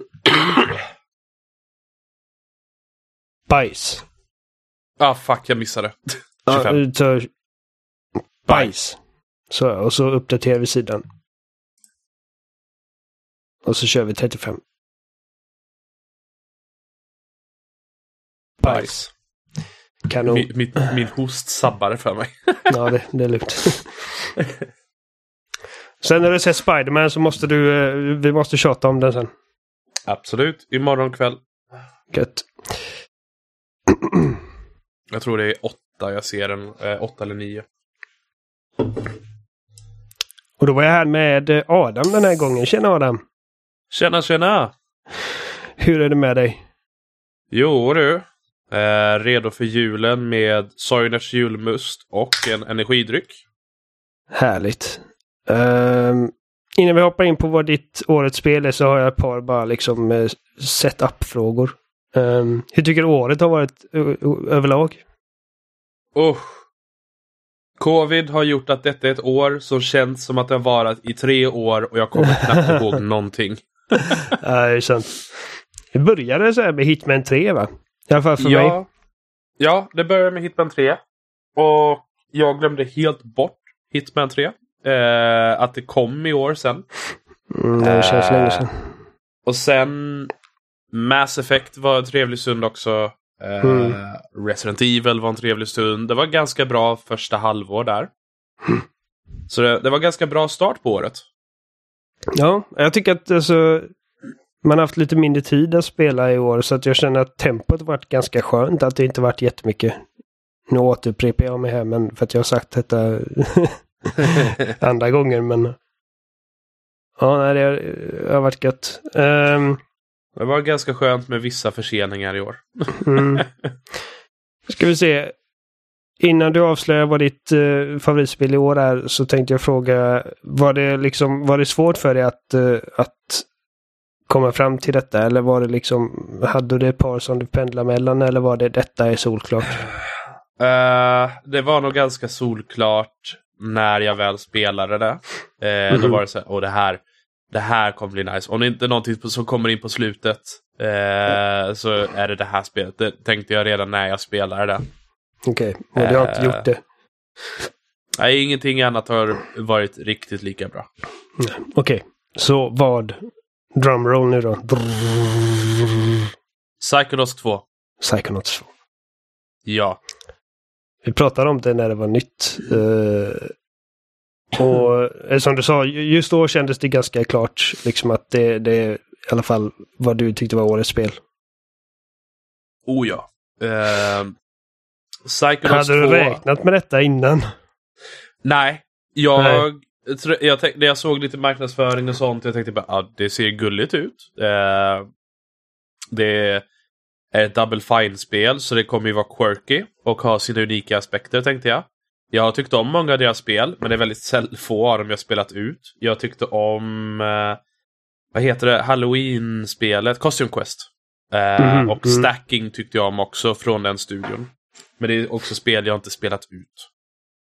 Eh, så jag var beredd på att liksom starta spelet på Game Pass, skrocka lite och sen antagligen inte köra ut det. Men eh, Chi fick jag. För jag, jag sträckspelade det tills det var klart. Jag håller med dig om att det är ett makalöst spel, alltså helt fantastiskt. Ehm, och jag såg ju till att eh, spela första spelet också. Hade du spelat första innan?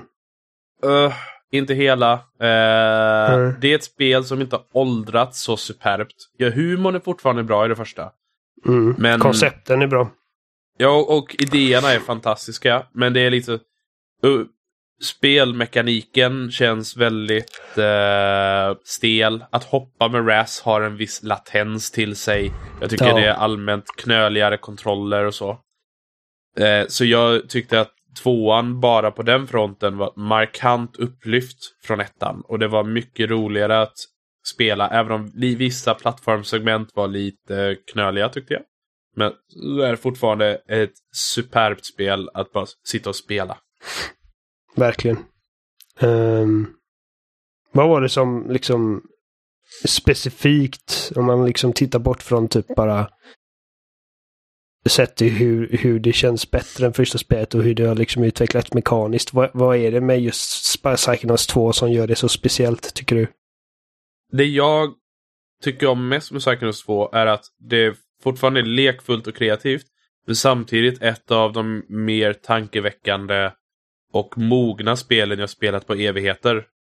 Eh, det är ett spel som tar sin story på allvar, men fortfarande kan skämta om saker. Det är ett spel som utforskar trauman och karaktärer på ett sätt som få andra spel har gjort. Och det är också ett spel som är väldigt internt eh, konsekvent också med sina karaktärer. Och eh, särskilda handlingar de gör och så. Det är bara ett spel som jag verkligen njöt av att spela och lära känna de här karaktärerna och hjälpa dem under spelets gång. Mm. Ja, jag tror moget är ett väldigt bra eh, ord för att beskriva Psychonauts 2. För att Alltså, det finns gott om vuxna spel och har gjort det väldigt länge. Eh, för när man tänker vuxet spel så tänker man liksom eh, blood and gore och sex och eh, svordomar och grejer. Mm. Men det är inte nödvändigtvis moget. Ehm, jag brukar jämföra liksom första God of War, som definitivt är ett väldigt vuxet spel, Mm. med eh, nya God of War som kanske är lite mer moget. Liksom att det, du har liksom inte... Inte för, att, inte för att jag skulle säga, att det första spelet var omoget i sig, utan mer liksom att vi gör oss av med liksom eh, knullminispelen för XP.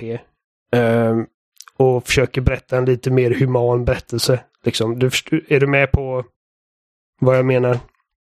Ja, Inte för att göra detta till en diskussion om God of War, men, alltså, men just liksom mogenhet och vuxenhet, eller man ska säga. Det, det, det är två väldigt olika saker skulle jag säga och eh, Psychonauts 2 är definitivt ett väldigt moget spel. Ehm, mm. Liksom hela, hela konceptet bygger liksom på, som, som du sa själv, eh, olika sorters trauman och eh, mental ohälsa.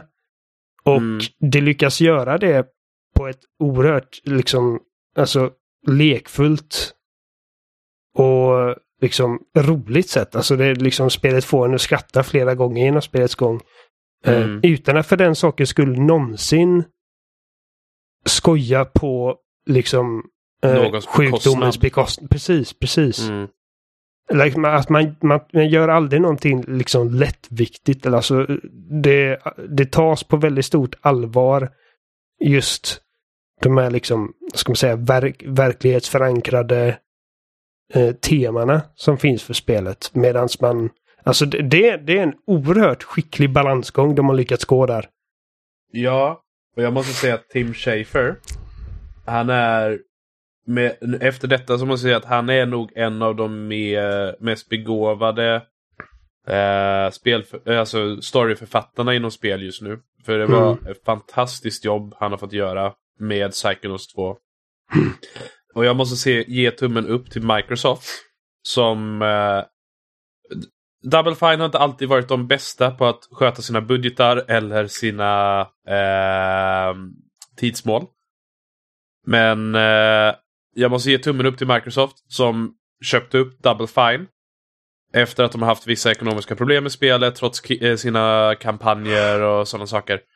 Eh, gav dem i princip Ta den tid ni behöver och gör det spelet ni vill. Och lä- lät dem göra Psychonauts till det spelet Double Fine ville göra. Och jag jag måste ge två tummar upp till eh, för att Microsoft lät dem göra det. Mm. Jag tror att Microsoft, eh, framförallt Phil Spencer kanske, eh, har insett att det är så de liksom vinner liksom på det långa loppet. Ja, Ehm. det är nog det de måste göra eh, framöver i alla fall för att ha någon chans mot Playstations eh, framfart. Mm. Bygga upp någon sorts liksom kultur av att sätta kvalitet framför någonting annat. Ja. Och Absolut. sånt tar tid givetvis. Men, eh, men jag håller med. Jag tycker att det, det känns kul att en studio som Double Fine med kreatörer som Tim Schafer Mm. har liksom någon form av ekonomisk säkerhet.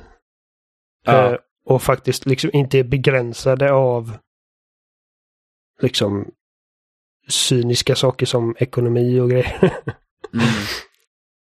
Och sen också måste jag också ge tummen upp. Jag tycker också att eh, Psychonauts 2 är ett spel som också sköter representation väldigt, väldigt, väldigt, väldigt bra och Mm. moget också. Mm, absolut. Eh, ja, jag och tyckte om, jag älskade många av karaktärerna och jag älskade hur de porträtterades som människor först och främst. Mm, ja. ja men det, alltså det, det är ett väldigt fint, liksom, eh, väldigt fint gay-förhållande i spelet som, som inte slås över huvudet på dig men, och inte heller liksom göms undan heller för den delen. Alltså det, det är bara två karaktärer som är sina egna individer och har sina egna berättelser att berätta. Ehm, och Mm. att de råkar vara gay är liksom sekundärt men det är ändå tydligt. Ehm, Ja. Eh, nej, alltså jag, jag var så förälskad i spelet. Från första uppdraget hela vägen till slutet. Eh, slutet kan jag också... Det är, väl, det är lite tungt i slutet. Inte emotionellt tungt, utan det, det är väldigt mycket hoppande från hjärna till hjärna i slutet. Mm. Ja, Jag tyckte också att det, det var, var lite långt för min smak. Det hade jag kanske inte sagt jag hade förra inga året, Enor- ja, jag hade inga enorma problem med längden, utan det var mer att jag hade gärna haft kanske lite mer andrum där i sista akten. Något sånt. Men det är väl det enda klagomålet jag egentligen har mot spelet. Mm. Nej, jag håller med. Eh, Psychonauts 2 är fantastiskt. Det är, det är ett oerhört speciellt spel. Mm. Eh, och det är inte ofta de, den typen av spel liksom uh, kommer omkring. Nej, och de hade roliga bossstrider också. Det är inte många spel som har idag. Nej, men alla banor Speciellt- hade liksom en väldigt uh, kul hook. Eh, liksom bara premissen till bara för varje Mm. bana är liksom någons eh, liksom undermedvetna i princip. Och alla har sina fobier och sina liksom sina laster och eh, problem och det manifesteras på väldigt intressanta sätt i banorna. Ja, och jag tycker också om att det är mång, vissa banorna, de är väldigt... Det, det finns saker som inte, jag, jag skulle inte kalla det subtilt. Men det är ändå saker som, de, de, de är inte rädda för att visa saker i spelet utan att rakt ut behöva peka ut och berätta dem. Nej, de Eh, låter vad- den liksom, eh, de låter den extrahera mycket mening själv också ur Ja. de olika eh, situationerna och karaktärerna. Och... Ja, det var, är ju en karaktär där som har haft liksom ett, eh, ett, ett trauma relaterat till hans uppväxt och hans mor och det var alkohol relaterat till sånt. De säger inte rakt ut. De visar intryck och det är en del av världen man plattformar igenom och så. Mm. Eh, och jag tyckte det var liksom så intressant att, liksom, jag själv fick liksom pussla ihop det utan att någon går runt och säger Så här var det och så här känner han. Utan det är liksom Nej, eh, jag, jag är så glad att jag fick spela det här spelet i år. Väldigt, väldigt imponerande spel faktiskt. Det... Alltså i vissa, i vissa avseenden så är det verkligen en triumf. Mm. Okej, men eh, då så. Adam, det var väl uttryckt. Tack så mycket. Absolut. Eh, jag hoppas att alla håller med mig. Och de som inte delar mitt första eh, favoritspel i år, de har fel. Ja, precis. Det är, det är så man avslutade. Vi, eh, vi, vi, vi hörs mer nästa år. Absolut. Ha det bra. Ja, då sitter jag här med Alexander Katurgi för att prata om årets spel. Så hej Alexander, välkommen! Hej och tack så mycket. Självklart, så vad har du valt för spel i år? Vad tycker du har varit bäst? Ja, det, det ska ju till att börja med sägas att jag har ju inte hunnit spela jättemycket i år. Så jag, jag har ju missat flera av de här stortitlarna som tagits upp i det här sammanhanget. Eh, men eh, lite koll har jag och en favorit har jag bland det jag har spelat. Eh, och kanske en favorit som inte kommer tas upp av jättemånga andra. Eh, jag vet inte. Eh, men det är i alla fall Neo The World Ends With You. Ah, spännande, det är alltid roligt med en titel som inte eh, egentligen många väljer. För det gör det så mycket mer spännande. Ja. Eh, Så hur kommer det sig att det här är det bästa spelet i år? Alltså, det ska inte uteslutas att eh, det ligger lite nostalgi bakom det. Eh, när man har väntat i, jag vet inte hur många år sedan eh, The World Ends With You till DS på en uppföljare. Eh, fått en uppföljare teasad i nästan lika många år. Och äntligen kommer den och man tänker nej men det här kan ju inte bli bra. Det här kan inte leva upp till hypen. Det ser lite dåligt ut i trailerna. Det kan inte. Och så kör man det och så är det bara helt fantastiskt. Eh, Och The World Ends With You är ju ett ärke-JRPG eh, rakt igenom. Och det kan man ju ha vissa åsikter om eh, efter att ha kört några sådana. Men det har ju ändå... Ah, det bygger vidare på det som gjorde The World Ends With You till DS så bra. Eh, eh, och som var så bra för att det var på DS. Och sen lyckas vi kanske inte riktigt hela vägen att nå samma höga nivå. Men eh, alltså gameplaymässigt. Det man kunde åstadkomma på touchscreen och med mikrofon och allt det där. Dubbla skärmar. Mm. Men ändå behåller det, ändå, det behåller ändå känslan. Det, det är något nytt och det är också nice för det känns fräscht och inte som att jag spelar samma spel en gång till. Mm. Ja men det är kul. Och jag får uppleva liksom fortsättningen på den här eh, storyn som man börjar bli ganska eh, investerad i om man har hunnit nörda ner sig i den här serien är det ju nu. Mm. Och då är bara frågan, teasar det här spelet som att det ska komma en uppföljare till det här också? Ja, eh, det ska ju sägas att eh, The World Ends With You teasade ju ingenting. Eh, utan det kom ju lite senare. Då kom det en teaser. Ja, men det kanske kommer en uppföljare snart. Oh my god, shit. Sen fick vi vänta i 12 år eh, efter det. Eh, eller vad det nu var. Ett bra Mm. tag i alla fall. Men, eh, men även här, det teasas ingen uppföljare i det här spelet. Mm, eh, Men det, det lämnas ju öppet. Möjligheten finns ju Mm. där. Det finns mycket som skulle kunna göras och det, skulle också, det lämnar också öppet för prequels. För spelet hintar om eh, många intressanta saker som hände mellan de här två spelen. Ah, så lite kl- klassisk Square Enix, så vi kan Ja, gå lite ja, vart som det- helst. Ja, faktiskt. Och jag är ju ganska sugen på att se dem gå lite var som helst. Mm. Sen har de själva sagt att ja, men spelet sålde lite under förväntan och då, blir man ju, då får man ju kalla kårar som fan. För det vore ju väldigt tråkigt om de då känner att nej, men vi fortsätter inte med det här. Men eh, jag hoppas, för det här var faktiskt en väldigt eh, bra upplevelse. Mm. Vad är det som gör serien så speciell då? Ja, det, det är en väldigt bra fråga egentligen. Alltså det är ju någonstans det här med gameplayet som är... eh, Ja, som... Alltså gameplay... De, eh, vad heter det? DSen gav ju bra gameplay-möjligheter som utnyttjades väldigt väl. Mm. Eh, och det gav väl också en större uppskattning för storyn som ligger, eh, ligger under, som är intressant om en väldigt typisk JRPG. Det är rädda världen, det är änglar och demoner, det är liv och död. Ja, friendship is magic. Ja, Ja. alltså ja, det är det ju faktiskt. Det är ju faktiskt exakt det som det handlar om. Ja. Men, eh, men det är ändå, det finns, de har byggt upp en ganska spännande värld. En eh, intressant, ett intressant system med det här spelet i spelet. Mm. Som man spelar för att, eh, ja, rädda sig själv från att inte bara dö utan att utplånas från existensen. Åh, så pass. Det... Ja, precis. Och det är ju liksom, ja, en så här, egentligen ganska typisk eh, trope. Ja, men vi måste höja stakesen ännu mer. Men det, det finns ju någonting mer bakom den här kanske lite ytliga tropen eh, som ändå gör det spännande. Mm. Ja, jag har aldrig spelat spelen själv. Jag har, jag har varit nära många gånger och sen så när de har släppt första spelet liksom på ny, nya maskiner så har ju folk liksom inte varit nöjda för att man kan inte riktigt få till samma sorts gameplay som man fick på DS. Nej, men så är det ju. Och jag, Eh, har ju ett flash, jag har ju ett flashkort på DS, jag har ju spelet nedladdat. Och jag har, Ja, så att jag, ja, någon gång kanske. ja. ja. Jag var lite För- sugen i för- somras när det skulle komma uppföljaren. Jag bara, men kanske man ska sätta sig och sen så blir det inte av. Ja, nej men jag kan ju naturligtvis rekommendera det. Eh, fördelen med de nya versionerna det är ju, ja, dels är de kanske lite snyggare, men framför allt eh, finns ju mer musik.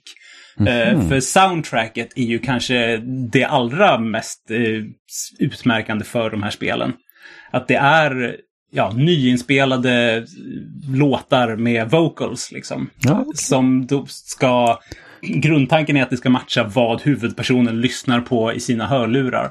Och det är liksom, det är inte bara typisk spelmusik utan det blir ganska liksom catchiga låtar från olika genrer som man till slut börjar sjunga med i för man hör dem lite då och då. Och man tröttnar liksom inte heller på dem utan de är riktigt nice.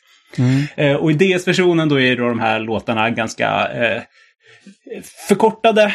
Eh, för att de inte fick plats i fullversion. Men soundtracket är liksom grymt. Så det är någonting man lyssnar på om och om igen. Mm. Det låter lite som Baby Driver innan Baby Driver. Det har jag ingen relation till. Så Ah, jag tänker bara nicka och le Ja, och Nicka- säga absolut. Ja, precis, så. Precis mm, som Baby Driver, fast lite bättre.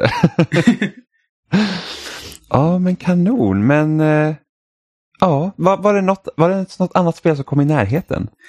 Eh, ja, så det enda spel jag har spelat som i år som kommit i närheten, eller som kom i år och som kommer i närheten, det är väl Metroid Dread. Mm. Och eh, det väljer jag nog bort ändå för att det är ju ett väldigt bra spel och ett väldigt nice eh, Metroid och det är väldigt kul att få fortsättningen på den sagan. Eh, men samtidigt, ja, det är ju inte riktigt Super Metroid eller Metroid Prime för den delen. Eh, Det är nice att eh, man får mer story. Det är nice att det är svårare.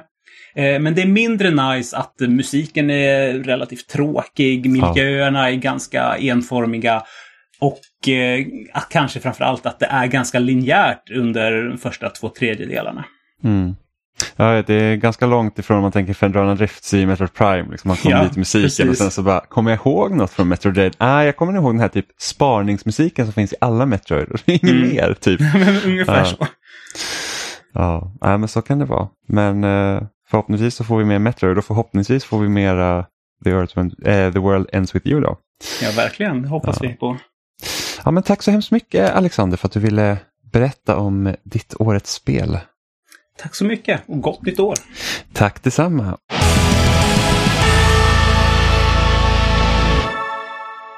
Då tackar vi Adam och Alexander för eh, deras två spel som de har valt. Väldigt, väldigt roligt.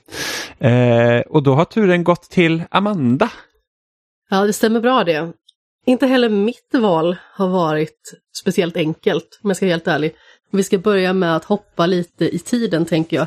De första åren jag tillhörde någon form av redaktion som utsåg årets bästa spel, så har mina val varit solklara. Så 2016 Inside, 2017 Horizon Zero Dawn, 2018 Celeste, 2019 Sayonara Wild Hearts. Det är liksom titlar som knockade mig av stolen fullkomligt och var tveklöst ensamma på toppen. Och sen så kom år 2020, när det hände någonting helt annorlunda. Jag var tvungen att välja mellan två spel, Marvel Spider-Man Miles Morales och Fall Guys Ultimate Knockout. Jag vankade länge av och an och jag kunde verkligen inte komma fram till vilket spel jag skulle välja. Och till slut gav jag upp. För jag kunde inte förmå mig att göra ett val. Så jag kuppade och valde båda två. Ett single player-spel och ett multiplayer-spel.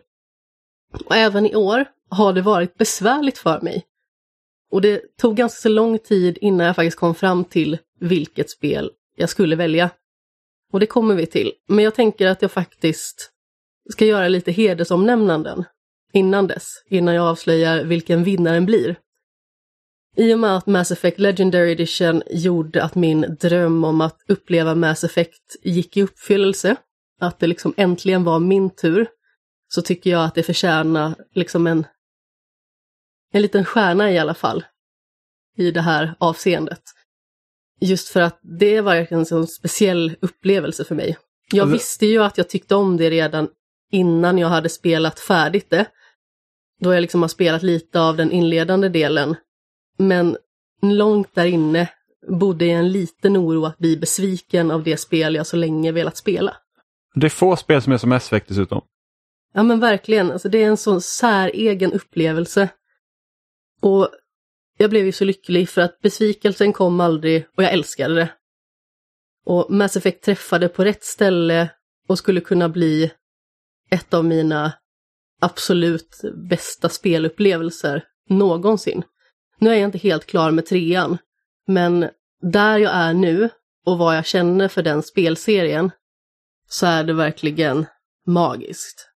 Det är få spel som går att benämna som det, men just Mass Effect är sådant. Eh, och naturligtvis av förklarliga skäl så tänker jag inte välja Mass Effect Legendary Edition. I och med att jag vill ju faktiskt välja något spel som på riktigt släpptes i år. Och då kommer vi till mitt andra hedersomnämnande. Och det är det spel som länge och väl slogs om titeln Årets spel. Och det är ett spel som tillhörde en spelserie som jag har varit dels väldigt ambivalent till, men också haft komponenter som jag verkligen avskytt. Och det är ju Life is Strange-serien. Jag tycker att det har funnits så himla många märkliga beslut, både visuellt och narrativt. Men i Life is Strange True Colors så var det någonting som var så himla rätt. Och jag måste liksom applådera Deck Nine för att de lyckades göra ett otroligt bra både berättande, berättelse och hela den världen som man fick ta del av i lilla Haven Springs. För det var verkligen en underbar upplevelse och det var en enorm överraskning. Och jag hade absolut inte förväntat mig det av ett Life is Strange-spel. Men det bästa spelet år 2021 är ändå, inte oväntat, Ratchet and Clank Rift Apart. Mm. Vi har inte spelat lite Ratchet Clank i år heller. Det är faktiskt helt sant. Um, det är ju väldigt många år sedan det kom en uppföljare. Och i och med att vi dessutom hade gjort den här långa resan där vi spelade igenom alla spel från första till Nexus. Så hade vi ju verkligen byggt upp en sån känsla av att verkligen vara så himla redo för Rift Apart. Och jag förväntade mig nog inte något annat än att bara älska det spelet. Och det gjorde jag också. det var verkligen precis vad jag behövde. Det är liksom en väldigt koncentrerad upplevelse, för det är ju inte så extremt långt. Men de lyckas packa det här spelet med så mycket spelglädje, med finurliga detaljer, med älskvärda karaktärer, med i vanlig ordning superhärliga spelmoment och manicker, olika typer av vapen. Insomniac vet vad de sysslar med. Och det slår ju mig nu att Insomniac har ju gjort årets spel för mig nu två år i rad. Och det finns ju en anledning, det är ju att de bjuder på så himla mycket spelkärlek i sina titlar. De är fenomenala på att ge spelaren den här liksom känslan av att man är så inne i spelet, det bara flyter på, man är en del av det, man absorberas av det på något vis. Och det här är en spelserie som jag också älskar sedan tidigare, så att det här spelet skulle komma och vara bra, det är ingen överraskning. Men att det skulle vara förmodligen det bästa Ratchet Clank-spelet som har gjorts, det är ändå anmärkningsvärt. Och varenda liten del av mig blir liksom varm och mysig och lycklig när jag tänker på Rift Apart. Ja, alltså det är ju, nej alltså Insomniac, de är verkligen väldigt duktiga med liksom spelmomenten i sina spel. Ja, men alltså som sagt, det är ingen fantastisk berättelse. Det är liksom inte livsomvälvande på något vis och det kanske man inte förväntar sig heller. Men jag tror både du och jag, kanske framförallt då jag, i och med att jag faktiskt valde det spelet. Vi hade så himla roligt när vi spelade det. Mm. Och det är liksom inte alltid man känner att man hela vägen är fylld av spelglädje, av entusiasm och viljan att ta sig framåt. För ibland känner man ju att det är ett spel som kanske är bra och det är roligt. Men det kan finnas moment som gör liksom att man känner att man kan inte bara få bli klar någon gång. Jag vill veta hur den här berättelsen ska sluta eller dylikt. Men det finns inget sånt i det här spelet, för det är verkligen perfekt. Eh, och jag skulle vilja säga att Ratchet Clank Rift Apart är som en perfekt portion av din favoriträtt. Du njuter av varje sekund och lämnas med en fulländad känsla. Och visst, man skulle kunna äta lite mer, men det borde man inte. För att mängden är perfekt. Ja. Insomniac Skulle man kunna- Alltså, ja, ursäkta Amy. Alltså skulle man, för att jag vet att många säger, skulle säkert säga liksom att Naughty Dog är Sonys bästa studio, men är egentligen inte Insomniac det med tanke på vilken, vilken ändå hög output de har av spel och vilken kvalitet spelen håller?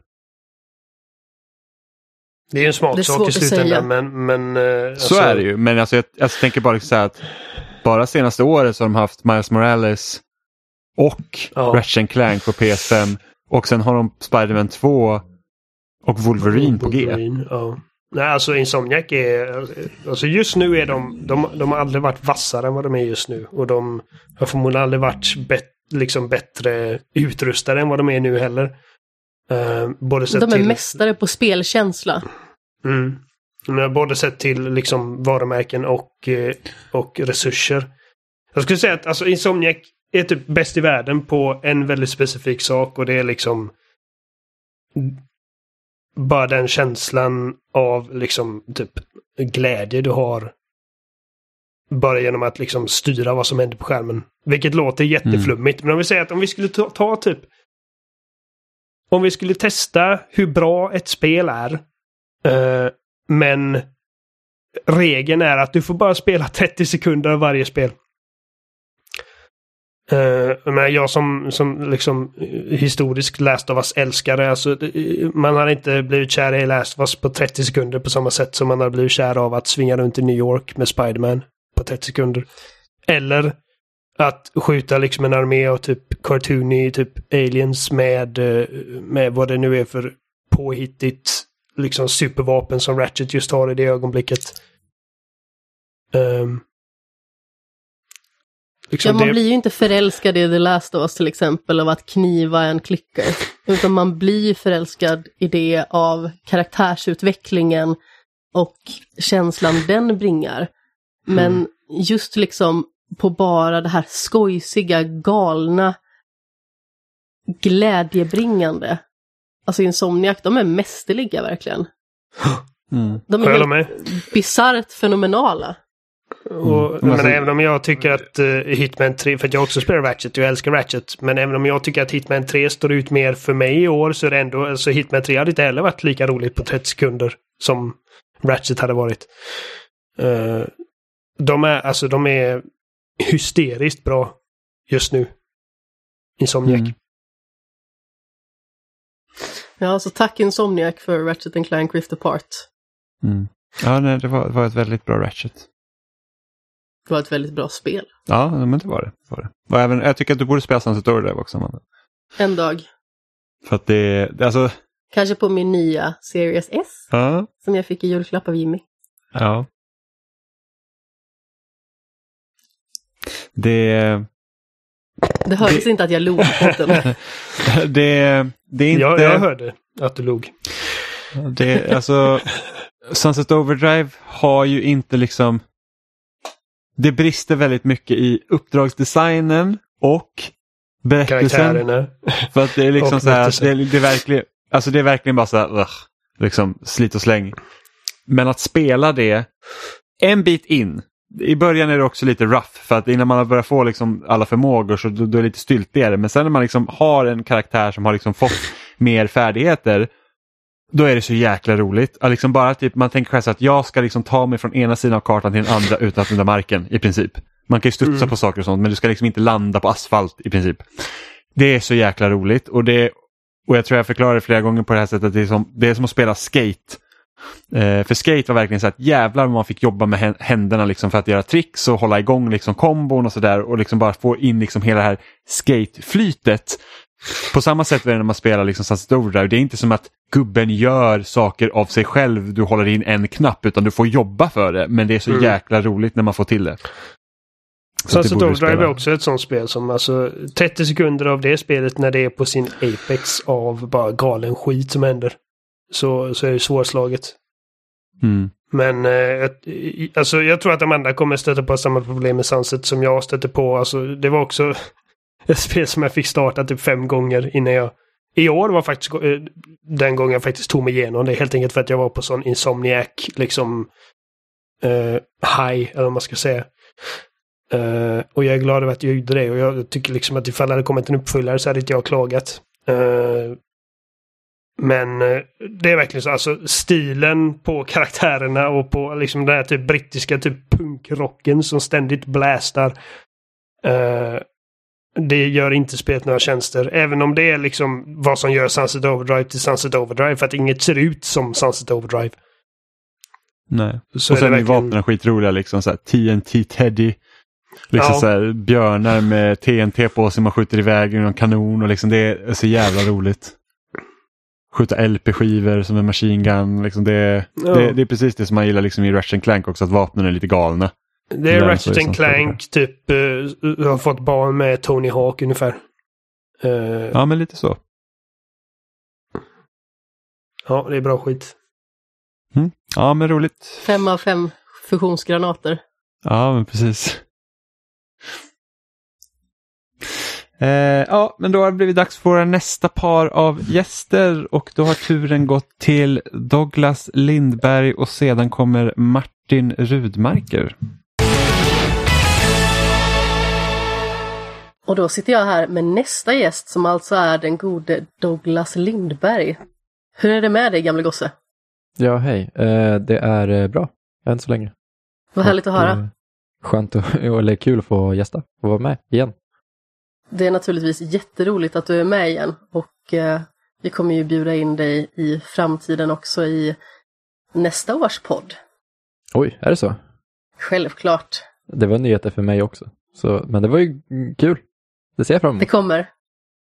Men eh, du är här för att prata lite om årets bästa spel och då undrar jag naturligtvis först och främst hur har du känt liksom kring det gångna året? Har det liksom varit höga toppar, djupa dalar eller lite mellanmjölk? Alltså, känslan kring det gångna året har väl varit... Eh... Jag tycker den är svår att sätta fingret på. många tidigare år har känts som att det har haft spel som stuckit ut väldigt mycket. Jag tänker framförallt på typ God of War eller The Witcher 3 från några år tillbaka nu. Um, Medan 2021 känns mer som ett, ja men slätstruket absolut, men samtidigt så inte så här tråkigt slätstruket utan det har hela tiden funnits någonting att spela eller att ta tag i. Um, jag har ju spelat väldigt lite backlog i år ändå. Även fast jag inte har klarat ut så många spel i år så har det ändå blivit mycket liksom, spel som har kommit under 2021. Um, ehm, så på så sätt har det väl ändå varit ett rätt stabilt år, ett rätt bra år uh, överlag. Jag tyckte på förhand väl att det såg så här. Jag tycker 2022 ser bättre ut um, än vad 2021 gjorde, men samtidigt så hade man ju ganska låga förväntningar och fick på så sätt, uh, eller tack vare det, um, spela rätt mycket bra spel under hela året. Ja men precis, men det känns ju lite som att 2021 är året dit många spel har skjutits och Mm. ett år som många spel skjuts upp ifrån. Mm. I och med att Ja. vi fortfarande liksom inte är ur pandemin än. Och det har ju liksom satt väldigt mycket käppar i hjulet för många spelskapare. Ja, och det tror jag att vi kommer se även under 2022, um, tyvärr. Eh, Säkerligen. ja, jag tror det kommer liksom börja visa sig mot 2023-2024 vad man egentligen kan göra med de här konsolerna. Um, men man måste ju komma ihåg att en process för ett spel liknar ju väldigt mycket en, en film nu för tiden med en, en studio som är enormt stor och jag tänker också ju större studio desto svårare har det blivit för dem att få ihop det. Jag menar, Rockstar har ju varit ganska tysta och fick ut en medelmåttig trilogi som visserligen de inte hade gjort, men de skulle ändå säkerhetsställa den. Um, andra större studios har också skjutit upp sina projekt. Det vi ser komma härnäst det är Horizon Forbidden West, men de började ju med det för ja, flera år sedan, så de hade ju ändå rätt mycket kött på benen så att säga. Deras finslipning har ju fått ta den tid det tar. Um, men de Ja, här som bygger upp liksom nya glad. spel från grunden tar det ju tid för. Absolut. Jag är själv väldigt glad att Horizon sköts upp. Bara för att jag vill liksom inte ha något debacle kring det. Utan jag vill bara liksom kunna njuta av det. Nej, men verkligen. Och jag tycker att första kvartalet i 2022 ser ut att vara det bästa på eh, ganska många första kvartal under 2022 faktiskt. Med både ja, då Horizon till exempel, men också spel för min smak som Gran Turismo och sådär som kommer vara riktigt spännande att ta tag i på nya konsolen. Ja men precis, spännande. Mm. Vad tycker du har liksom stuckit ut då under senaste året i spelväg? Ja, alltså jag måste ju ändå ge några så här hedersomnämnande ifall vi ska börja gå in på mitt Goti för året. Ehm, och för jag har gjort en, en, en topp 20-lista, jag kommer inte gå igenom hela den. Ehm, men den listan innehåller inte spel som till exempel Returnal, The Ascent, Death's Door, Scarlet Nexus, Psychonauts 2 eller Outriders. Och det här är helt enkelt bara för att jag inte har hunnit spela dem tillräckligt mycket. Jag har fingrat på de mesta och varit liksom där, doppat tårna. Men jag kommer inte kunna ha med någon av de spelen på min lista och jag är helt övertygad om att någon hade tagit sig in på åtminstone topp 10 utav de titlarna jag rabblade upp precis. Um, och så. så det har varit lite svårt ändå att, att landa på ett ordentligt Goti för mig. Men eh, jag skulle kunna ta min topp 5 om det är okej. Självklart, kör i vind. Yes. För på femte plats så har jag placerat eh, Ratchet Clank Rift Apart. Um, och där tycker jag det som sticker ut mest med det spelet är det grafiska och lekfullheten. Uh, det är ändå ett av de första spelen som verkligen visar kraften i Playstation 5. Och där tycker jag ändå att man träffade rätt mycket rätt. Man uh, hade en rätt, rätt balans, en bra ton i själva berättandet och uh, jag tyckte därför att Ratchet Clank kommer in på min topp 5 i slutändan. På fjärde plats, så det här är helt nästan uteslutande för regin i spelet och det är faktiskt Marvels Guardians of the Galaxy som jag klarade ut bara häromdagen. Um, så rent spelmekaniskt har det väl sina brister. Det är lite segt, lite klanky. Men världsbyggandet och framförallt karaktärerna och som jag nämnde också, regin, den är så jäkla bra. det- Drax. Ja, alltså det är min nya idol. Jag kan relatera till honom så himla mycket. Vi pratade om det i något avsnitt tidigare med möten och sånt där och hur, vilken waste of time det är. Och eh, ja, Drax bara kanaliserar all den energi jag känner kring det. Så här att nu bara gör vi det här. Och så blir det bra så.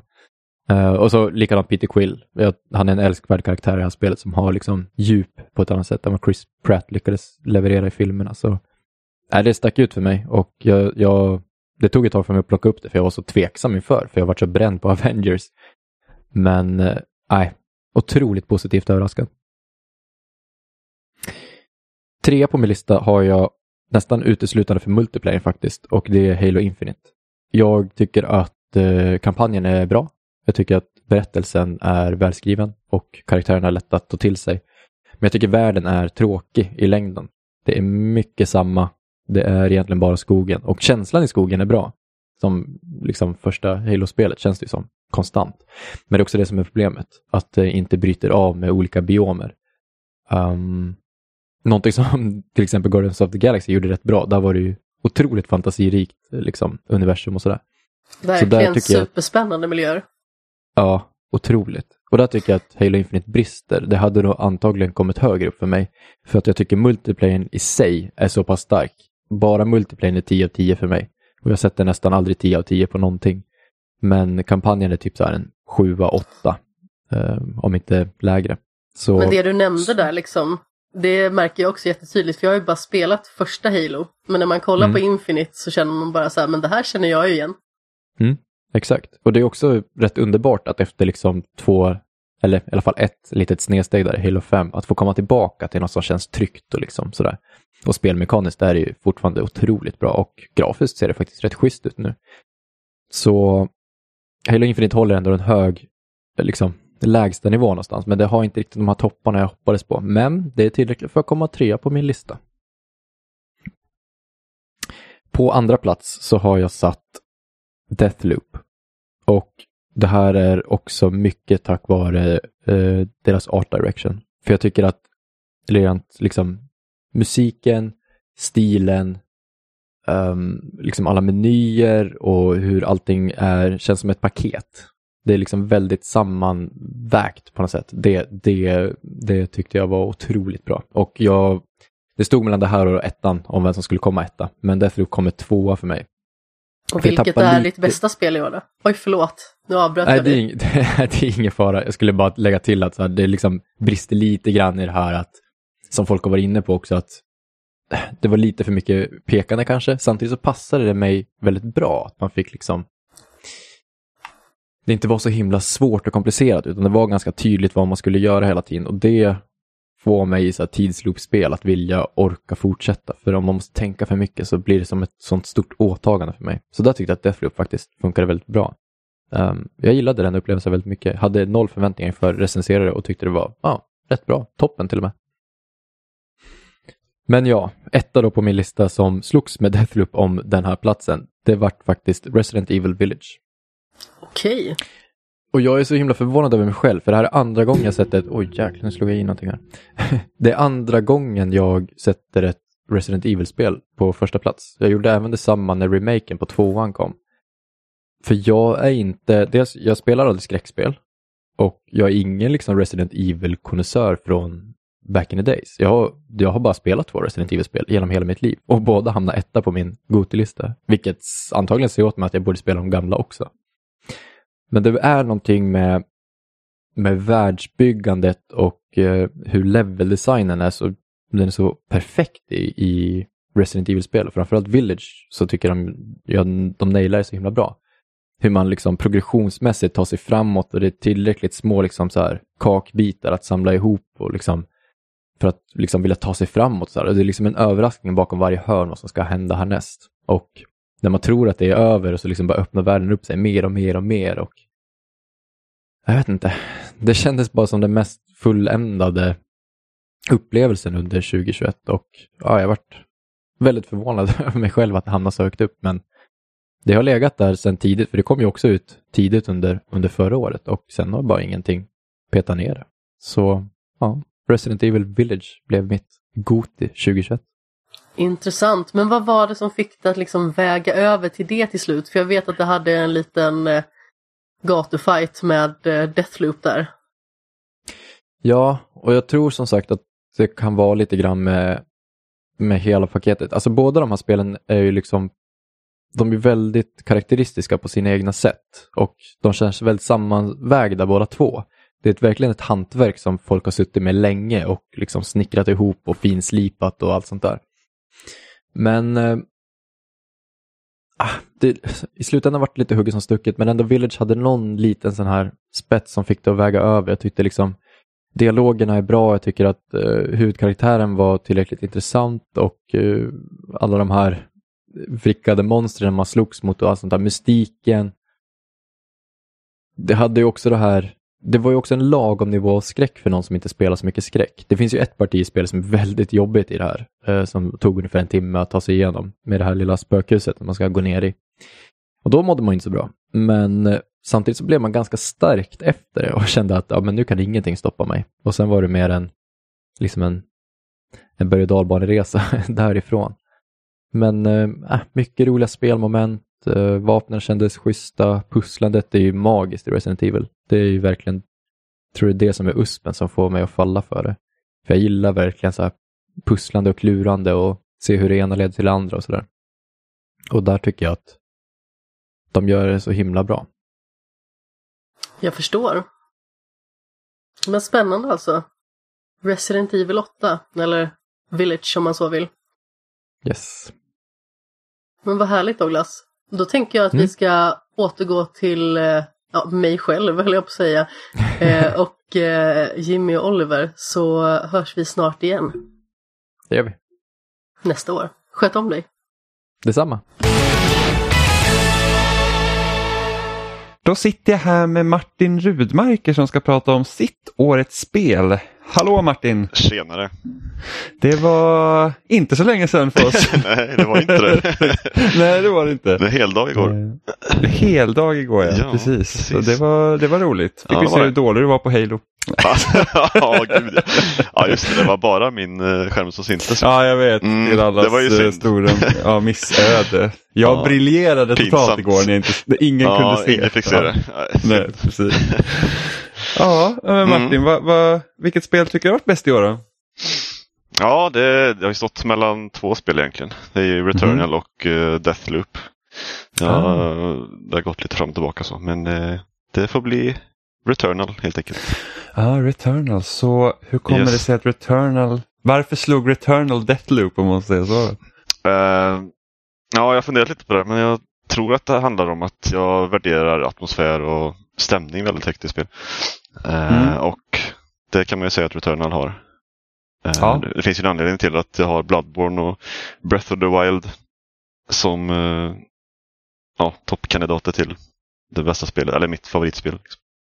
Ja, ja men precis. Jag hade en tidigare intervju idag också, eller jag pratade med Ida som också hade Mm. Returnal. Och hon Mhm, nämnde mm. också Bloodborne, vilket Oj, var ganska okej. roligt. Eh, Ja, hur- men det är ju så alltså- mörk eh, mm. stä- stämning lite så kanske. Eh, det finns väl vissa likheter kan jag tänka mig. Eh, Ja, men men det- den, alltså det, spelet, det första spelet jag tänkte på när jag startade Returnal första gången var ju Metro Prime. Och det är också ett Mm. av mina favoritspel någonsin. För det finns ju väldigt mycket li likheter i den stämningen med en, med en planet. Som en, eh, eller en okänd planet. Så Ja, det, det är precis. spä- spännande. Ja, och de väver in det där rätt så bra också, speciellt i början när man liksom när man ledsagas lite mera istället för att det liksom är att nu är du på din liksom tionde run och så ska du springa igenom de här rummen igen utan då är det liksom så här att ja, men du behöver ha det här objektet och du får det ganska Ja. väl utpekat och så. så det var, jag fick också väldiga Metroid-vibbar när jag spelade förstås. Mm, precis. Men jag hade velat ha ännu mer Metro som även du vill ha. Precis. Mm, Returnals Ja. Metroidvania. Ja, eller jag Ja. hoppas att om, om de gör en tvåa så vill jag gärna ha det mer som Metroidvania. För, alltså jag tycker om den här upplevelsen som den är. Jag hade inte velat ändra på den egentligen. Men eh, Mm. en uppföljare så visst. Då hade jag gärna sett Ja. lite mer Metroid. Ja, men det hade varit kul att se vad de kan göra med ett sånt upplägg. Ja. För, att, eller ja, det eh, behöver de inte ens vara en uppföljare. Det kan ju vara något helt annat från den Ja. studion bara. Så. för de sitter ju liksom med Alltså det känns som att de sitter med kunskapen och Ja. kunna göra någonting sånt för att liksom Returnal har alla de delarna. Ja, definitivt. Eh. Det, det hade nog kunnat bli riktigt bra. Vad, Tror jag. Förutom atmosfär och sånt, vad Ja, liksom stack, nej, men vad alltså liksom är ju- stack mest ut i spelet om man säger så? Eh, alltså, ja, men det är ju bara väldigt tight och härligt gameplay tycker jag.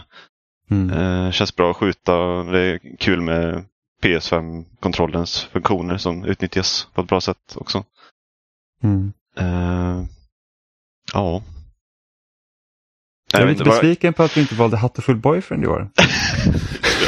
Men ja, jo, jag kan inte välja varje år, det går inte riktigt. Nej, men alltså någonstans så kanske man kan det. Ja, jo, precis. Jag vet inte, har, har det släppts på en plattform i år? Jag vet inte. Jag vet säkert. Det är, någon, det är någon liten stackars mobil som kanske har fått lite hett Ja, möjligtvis. Det är stackars mobil. Det är ett fantastiskt Ja, spel. ja, jag har fortfarande inte spelat det. Men Inte det... jag heller. Nej, men vad fan. Jaha. Jag äger det dock. Jaha, okej. På Ja, både Steam och PS4 tror jag. ja, jag tror inte jag äger det. Men du får, eh, ja, jag, får, jag, får, eh, jag får väl köpa det då. Helt Mm. enkelt, det är inget annat. Hade du spelat några andra av Housemarks spel? Ja, ja, jag funderade på det igår också. Eh, jag tror bara jag spelade Resogun. Mm. Och det var väl, ja det var väl okej liksom. Det var väl, men jag spelade det mest för att det inte fanns så mycket annat att spela när PS4 släpptes.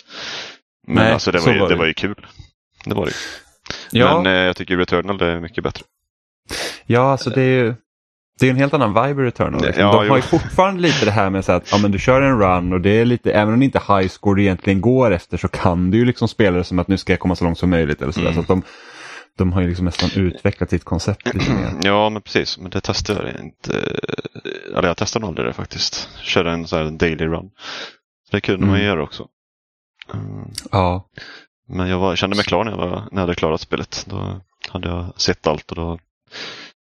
Ja, mm. jag behövde inte gräva mer i det. men precis. Så är du peppad på du DLC då? Eller som de teasade förut, om det är Eh. någon typ av exploration där ute? Jo, men det är man väl såklart. Det ska om det, om det nu Ja, om det nu kommer så absolut. Då, då lär jag nog testa det.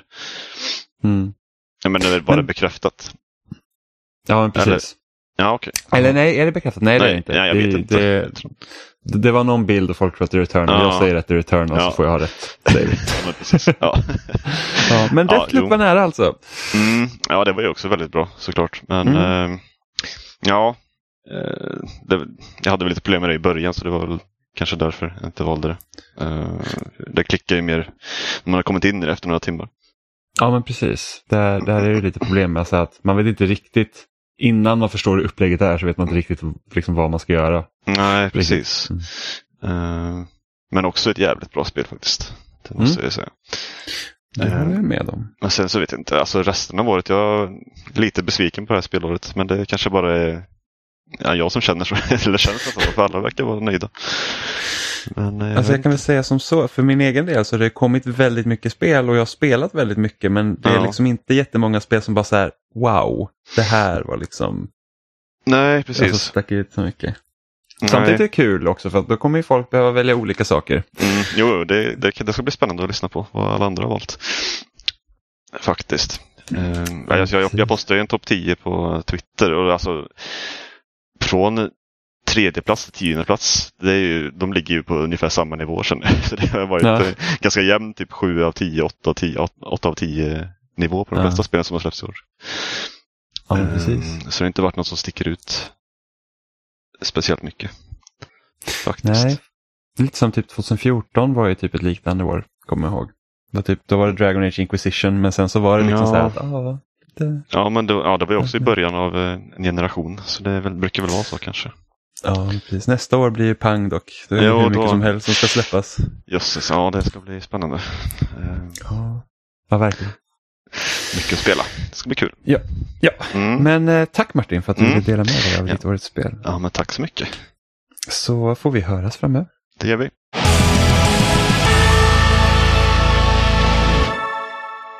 Och då är vi tillbaka igen. Tack Douglas och Martin. Det är alltid roligt med folk gillar spelen de har spelat helt enkelt. Och då har turen gått till mig. Vad ska jag, den allsmäktige, välja för spel? det här är liksom, Vilket av dina out. 111? jag, jag är ju den enda sanningssägaren i den här podden. Nej men jag har också haft problem eh, att välja årets spel. Det, det har inte varit helt lätt eftersom jag har inte, alltså det har inte riktigt varit något spel som har verkligen så här bara, "Uff, det här är mycket bra, mycket bra i år måste jag säga. Eh, men inte liksom något som har verkligen stuckit ut helt och hållet utan liksom krävs att man tänker efter lite. Så jag har också liksom gillat Returnal och Deathloop och Psychonauts 2. Eh, men till slut så stod det mellan två spel. Men det känns som ett genomgående tema också. Jag vet många som har haft problem med Mm. att faktiskt välja. Mm. Även Douglas som eh, ni just hörde liksom hade också trubbel med det där. Mm. Men det är roligt tror jag, liksom att det inte är den här den självklara. Det är roligt att lyssna på också. Inte det förutsägbara. Nej men precis. Eh, så ett, två? ett av spelen jag valde mellan det var Backbone. Jag spelade tidigare i höstas liksom ett, eh, vad ska man säga, ett, ett, ett eh, berättelsedrivet eh, mordmysterium egentligen. Fast, nej Oliver. Här. Vad sa du för någonting? Jag sa noir, typ... Eh, Ja, precis. ja. Vad trodde du jag sa? Precis. Jag tyckte du sa bore. Nej. jag har det installerat. Jag har inte haft tid att testa den bara. Ja, är det, men det är... och En så- antropomorf-deckare. Ja, men precis. Och det är liksom så här att typ, Alltså riktigt så här nattsvart emellanåt och det är liksom så här att ingen mår bra i den världen. Och det, det är liksom... Och ingen har kul. Nej, och, och det, det träffade ändå relativt hårt när jag spelade det. Och jag tyckte det var liksom, även med den twist som händer så tyckte jag ändå det var liksom, alltså jag, jag, jag var helt som, så- alltså satt som på naglar liksom. Nålar, satt på nålar. Jag kan inte prata idag. Jag satt Jag som på nålar. naglar jag hade mina naglar djupt Nag- inborrade i mina ben. Nagelbitare. Ehm, ja men precis. så att, alltså eh, jag och gillar den här har- bilden du målar upp av det här. Typ, alltså alla är deprimerade, det är ett mordmysterium, det är typ alltså världens mörkaste jävla berättelse. Sen får man komma ihåg att det är fucking en, en, en jävla badger. Vad heter det? Grävling. Med en tvättbjörn. Nej, en tvättbjörn. En Ja, vet, tvättbjörn som som är är- detektiv. En lätt alkoholiserad tvättbjörn och som typ har världens sämsta självkänsla och typ, ja. Världens sämsta självbild också. Ja, precis. Så, ja, ja, verkligen så här typ att ja, det är hårt att vara tvättbjörnen. Eh, men liksom de lever i det här samhället där liksom det övre skiktet liksom helt och hållet typ livnär sig på, på, på, under, på liksom arbetarklassen. Liksom. Att det är bara så att ja, men vi kan typ vi kan göra lite vad vi vill och ni får liksom arbeta hårt och liksom det är korruption och grejer. Så det, det är jättespännande och jag är så himla glad för att det är liksom bekräftat att komma ett nytt Backbone-spel eh, under 2022. Jag Om måste fråga. En upp... Ja. Äh, avsluta meningen, jag trodde du var färdig. Ja, nej, om det är en uppföljare eh, eller vad nästa Backbone-spel är, det vet inte jag. Och de har inte sagt om det är liksom en Backbone 2 eller är det en, är det en prequel eller liksom något helt annat. Men det ska i alla fall komma mer Backbone och det är jag väldigt glad över. Man kanske får spela som räven. Ja, kanske. Eh, möjligt. Så vad skulle du säga Oliver? Eh, för det första, hur, hur långt är spelet ungefär? Är det, är det matigt? Fem, sex timmar? Okej, så lagom. Ja. Min fråga är, görs det någonsin någonting av att alla karaktärerna är djur? Är det liksom att Eh, typ en mus möter en katt och bara oh my god? Nej, det gör det inte. Men Vad det är är liksom så här poängen typ att med att de är djur? eh, gnagarna är liksom lägsta skiktet av, av eh, samhället. Så att Vissa djur har högre status. precis. Okej, Så så, att det är som typ sitter- Zootopia. Ja men lite så, gorillorna är liksom på topp om man säger så. Och det, de är ju mest lik människor så att jag antar att det är därför. Och en isbjörn. Så att det, det finns ju ganska, jag tror att man kan läsa in ganska mycket i vilken typ av djur som är vilken typ av, liksom vad, vad rollen är för dem i berättelsen om man säger så.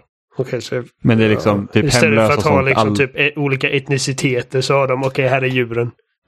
Ja men precis, så att typ alla som är typ hemlösa i spelet är så här råttor, ekorrar, ja, liksom det, det är liksom den typen. Så skadedjur om man säger så. De små Usch. skabbiga. Ja men precis. Eh, så det är jättebra. Men Tänker det, på min pappa som sa att ekorrar inte alls är söta för att de ser ut som små mördare. ja. det är lite märkligt. Ekorrar är jättesöta, vad fan. ja, ekorre är jättesött. Han har nog zoomat in för mycket på en ekorre tror Ja jag. men verkligen. Jag såg en ekorre liksom med, eh, med S- gör en Snubbans ekollon i drive-by. trädgården. ja precis, så bara så här typ att jag ser dig. Vi kommer inte undan. Eh, men Backbone är inte mitt årets spel, men det är väldigt, väldigt bra.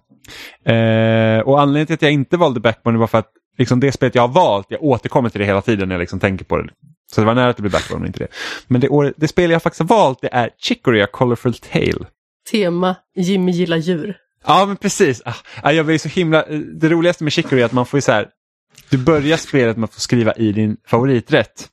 Och jag skrev tacos och då fick min karaktär heta tacos. Så att ja, det var lite kul. Eh, men Chicory det är som ett... Drar väldigt mycket inspiration från 2D Zelda. Men har inga strider. Så det som har hänt i Chicory det är det att eh, man arbetar... Ja, jag spelar då som hunden Tacos. Eh, som är liksom... Jag är städerska till Chicory. som är liksom den här världens typ så här, alltså hela spelet behandlar liksom att, att, att du har liksom en som är wielder av en pensel då eh, och liksom målar världen och sätter färg på världen. Eh, och det är liksom typ ett av de viktigaste jobben du kan ha. Och rätt som det så händer någonting att Chick, eller inte Chicory utan Tacos, alltså hunden som jag spelar som, eh, hittar den här penseln och ser inte Chicory någonstans. Chicory Eh. som väl är en kanin va? Precis, Chicory är en kanin. Eh, och, liksom, och då ska man liksom ta reda på vad är det som har hänt. Eh, och eh, så börjar det visa att det är så korruption som, som sprids i världen. För det är någonting med den här penseln. Och då ska du liksom lösa det. Eh, och det är, liksom, det, det, det, det är som liksom en helt öppen 2D-värld som är helt tom på färg. Och du har den här penseln så du får liksom måla den. Du får liksom själv bestämma hur det ska se ut. Du kan liksom, och du löser pussel med hjälp av färgen också. Så att vissa så här, växter kanske måste du ta färg på så att de blir plattformar. Och ibland måste du kanske ta bort färg från något annat ställe. Och sen så att ah, men jag ska kunna simma med den här floden men jag kan inte simma om det inte är färg på den så får man måla i den. Så att det är liksom ett det är väldigt intressant spelmekanik på det sättet att man liksom så att ja, men du, du målar, det är liksom huvudpunkten. Och sen så får du liksom ja, lösa det helt enkelt. Och sen så ser ju oavsett vem det är som spelar liksom, så att man får ju, man har ju liksom en rad olika färg, färgpaletter som du får använda mellan. Så att din värld blir liksom unik. Du kan ju själv välja hur noga du vill färglägga eller hur lite du vill färglägga för att du liksom, det är inget krav på att du måste ta färg överallt så länge du inte liksom ska lösa de här olika pusslen. Eh, så bara det är liksom väldigt skönt att köra ett spel som egentligen inte går ut på att du ska slåss en massa. För jag spelade det här kort efter jag spelat Death Store och jag älskar ju Death Store, jag tycker det är ett jättebra spel. Men liksom så att där är det inte lika mycket pussellösning, det handlar mest om att liksom så att här är massa fiender. Eh, Medan här istället så blir det liksom att du ska bara supa in den här världen och du ska liksom du, du behöver liksom inte, det, det är inte mycket i vägen för att du ska kunna klara av det utan det är bara liksom väldigt kul att spela igenom. Eh, och just det här med att spelet går väldigt igenom så här prestationsångest, liksom, hur, vad, har, vad har omvärlden för krav på dig, vilka krav sätter du på dig själv, liksom, hur, hur mår man när du inte kan leva upp till den bilden som andra har av dig och dig själv. Så det är liksom det genomgående temat i spelet. Så att det, man får också lite vibbar från så här, A Night in the Woods. Eh, som jag också gillar väldigt mycket. Där liksom, Ja, och lite Celeste. Ja, och lite Celeste, precis. Det är samma kompositör till både Celeste Yes, och... Lena Rain. Eh, precis. Eh, så det är väldigt, och sen det bästa tycker jag med det här spelet också, det är hur de, hur de ger dig liksom olika uppdrag. För du har liksom det här huvuduppdraget, du ska liksom ta reda på vad, vad det är som korrumperar och sen få bort det. Liksom. Eh, men sen så, den här världen har ju massa olika liksom, byar och städer och sånt där det bor massa andra djur. Och där liksom finns en mängd olika sidouppdrag. Men det är inte så att du har en stor questlista att det här ska du göra. Utan du kanske pratar med ett lejon och så säger han någonting och sen glömmer du bort det. Och så går du vidare och sen så kanske du träffar någon som lejonet pratar om eller liksom att det här lejonet hade egentligen ett uppdrag men du får liksom inte veta så att det här är uppdraget du ska göra. Utan det är bara så här, ja just det, jag pratade med det här lejonet och nu kommer jag att träffa den här kompisen han pratade om tidigare och så liksom har man progression liksom i uppdragen. Så du får, måste hela tiden vara liksom på tå att du måste lyssna på vad karaktärerna säger och sen kan du liksom göra någonting med den informationen. Istället för att det som i många andra liksom öppna världar, att det är så här, ah, här pratar du med en karaktär, nu har du en punkt på kartan, gå dit. Och sen går du till den här punkten och så plockar du upp vad fan det nu är och sen går du tillbaka. Utan det här kräver lite eftertanke. Eh, så att man, liksom, man, får verk, man bjuds verkligen in och får vara liksom en del i, liksom i samhället. Vilket jag tycker är väldigt kul. Så det, det, det är lätt liksom att bara svepas in i atmosfären och liksom köra på. Jag ville ju väldigt gärna hinna klart det spelet och även Death Store innan, men jag kom ju på så himla sent att skaffa dem. För att det har funnits så mycket annat att spela. Mm. Så jag är tyvärr inte klar med något av dem. Jag började på Death Store idag. Mm. Det är också ett jätte, jättebra spel. Uh, men just det här, jag vet inte, jag, jag tycker bara så att det här spelet är verkligen så himla trevligt bara. Jag tycker om det jättemycket. Ja, och bakom den puttinuttiga ytan så finns det ju väldigt många liksom både emotionella och psykologiska teman och det är det som är det fina med den typen av spel, liksom att det finns lager att ta sig igenom och inte bara färglager Mm. utan Ja, precis, det påminner, tankelager. ja, men det påminner väldigt mycket liksom om, om Celeste i det avseendet också. Liksom, att du har, du har liksom ett, ett, ganska kraftigt budskap bakom och sådär. Så att, men det, det, är ett, det är ett superbra spel verkligen. Det släpptes till Switch för någon vecka sedan bara. Så att eh, om man inte har en Playstation så kan man spela det där. Så jag hoppas att det kommer till ännu fler plattformar i framtiden också. För att det, det är ett kanonspel verkligen. Årets bästa, för att vara exakt. Det är årets bästa, precis. Det hade varit väldigt surt om man liksom hinner spela någonting spel efter det så bara åh, det här var bättre. Men det tror jag inte. Det var ju olyckligt. Jag har spelat de flesta spel jag ville spela i år faktiskt. Ja, precis som Oliver deklarerade innan så är ju du en allätare och spelar så vansinnigt mycket. Jag vad jag kan. Jag tror att den enda jag känner som spelar lika intensivt, mycket och brett som du gör, det är Niklas Sintorn på Svampriket. Mm. Ni hade verkligen varit eh, kaka söker maka där alltså. Ja, har man fått med sig en till vapendragare när man ska slåss om vilket spel som är bäst? Precis. Alla förstår det här, detta spelets storhet. Ja, men det, det är verkligen superbra. Uh, ja, men det var mitt spel i alla fall. Uh, och då har vi kommit fram till vårt uh, sista par helt enkelt som ska berätta om, om sina spel. Och då har vi Jonas Mäki och Stefan Norlin. Och då var jag här med Jonas Mäki från Game Reactor, min gamla kollega, min redaktör, min vapendragare, min broder. Hur är läget? Jo, men det var bra tackar som frågar. Det är snart jul. Ja, ja. Imorgon när detta spelas in. Yes, korrekt. Jag gjorde mitt sista julhandlande idag. Ö, då ska jag erkänna att jag, inte- jag är inte klar än, så det är därför jag frågar eh, hur långt det där kommer ta ungefär. För att, ja, du vet. Sista minuten allt det där. Nej, nu kom jag på. Jag är inte heller klar än. Skitsamma. Ja, Man har alltid en grej kvar liksom. Den sista. Ja, Man kommer det är på att man har glömt. Mm. Okej, detta är din första medverkan på våran så här årliga Game of the Year-samling. Det stämmer. Tack för att man får vara med. Och det är jättekul att ha det här. Ehm, så innan vi går in på vad ditt årets spel är, så det, det här har jag frågat de andra jag pratat med också. Ehm, när, när jag frågade dig vilket som var ditt Game of the Year, var det liksom... Ja, Okej, det, det, det är svårt att säga. Hade du liksom mer än ett val till hands eller var det solklart direkt vad du, hade, vad du skulle välja? Ja, alltså den som har läst vad jag har recenserat och skrivit på Game Reactor. För den personen är det ganska självklart att det finns ju bara, finns ju bara en kandidat för mig. Det gör det. Det kommer fler bra, flera bra spel i år, men bara en som kan vara årets spel. Då, ja, då, då, gott, liksom simpelt och gott, då, då kör vi. Vad, vad är ditt årets spel? Ja, men det är ju såklart Halo Infinite. Ja. Jag har Såklart. ju spelat massor med både jag själv och... Jag är faktiskt inne på andra varvet. Jag fick ju spela först ett varv när jag recenserade. Mhm. Men då fick man ju inga achievements. Så, så tänkte jag nu tar jag och kör igång igenom ett varv till. Ehm, och tar achievements och tar lite mer lugnt och utforskar lite mer och sådär. Så, jag spelar mycket med dig och min kusin och annat löst folk. Ja. Ja, alltså jag, jag har spelat... Det, är- är- Halo Infinite är ju nästan det enda jag spelat sen det släpptes ungefär. Ja, men det är lite så för mig Eh. också faktiskt. Vi var ju med i... Jag och din kusin var ju med och tävlade i eh, Game Reactors Halo-turnering. Mycket roligt. Vann ni? Eh, vi kommer dit. Så, så din kusin, han heter Mats. Han, han är rätt bra på Halo. Ja, han är mer Eh, bra faktiskt. Han är, han, han är eh, schysst. Ja, jo, men han, han, han är Det är du också för övrigt. Ja, han och jag är ganska jämnbra känner jag oftast. Uh, generellt. Uh, så att vi, vi spelar ganska bra ihop. Och han skrev till mig och sa att uh, vi behöver en fjärde kille till vårt lag för den här turneringen. Och jag bara okej, ja visst ifall vi övar.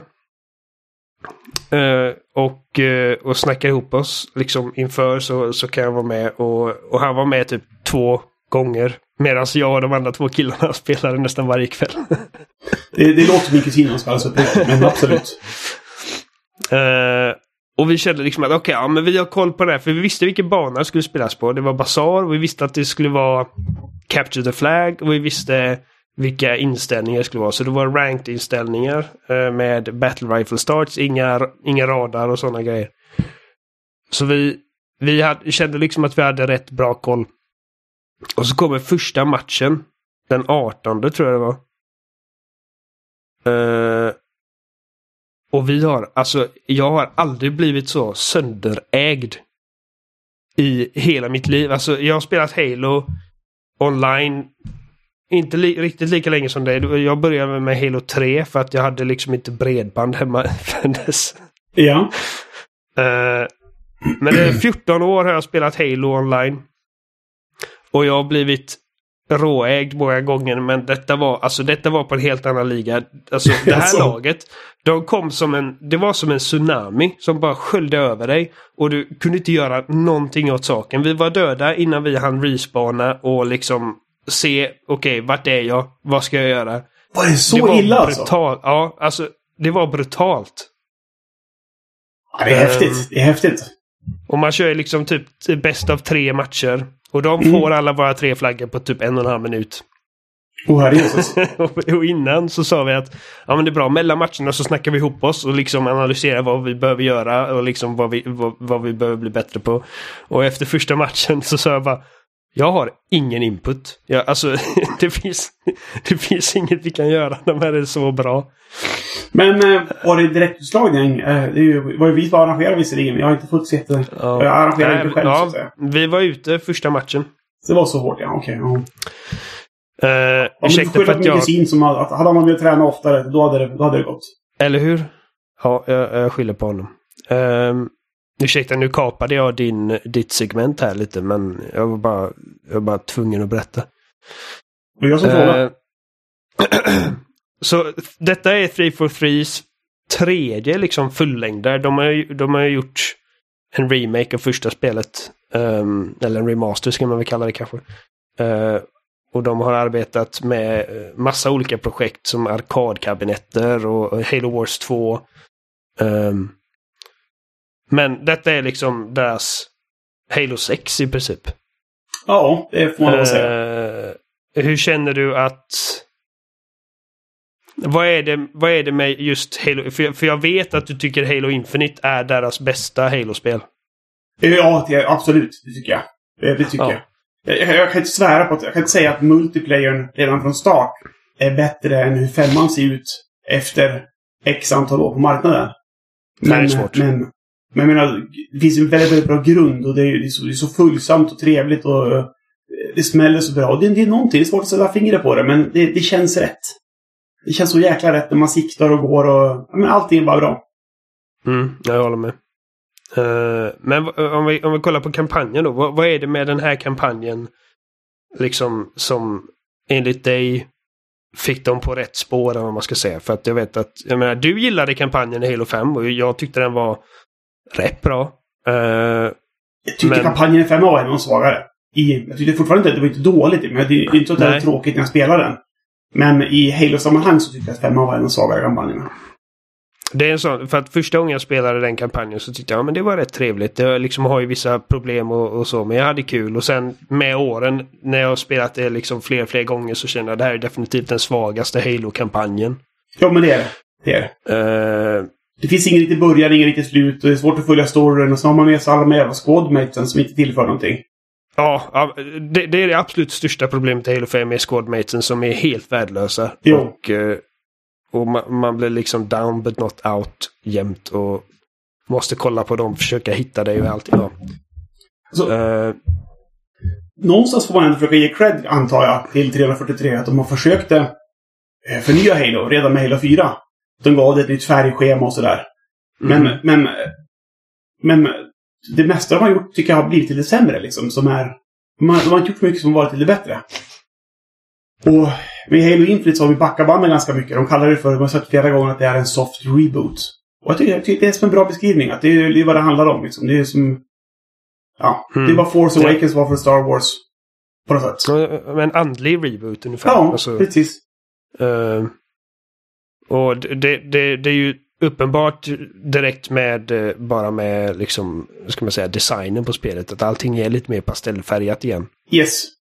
Och Grunts beter sig som Grunts. Och, ja. Mm. Ehm. ja, nej, nej men... eh, och sen, sen är det givetvis... Hur tycker du att den liksom öppna världdelen fungerar? Jag tycker det fungerar ganska bra just för att den inte är så helt öppen. Hade det varit helt öppen hade de tyckt sämre om det. Men nu är det ju ändå tydligt ingränsat. Jag är ju fortfarande Master Chief och, och lotsas liksom från punkt A till punkt B.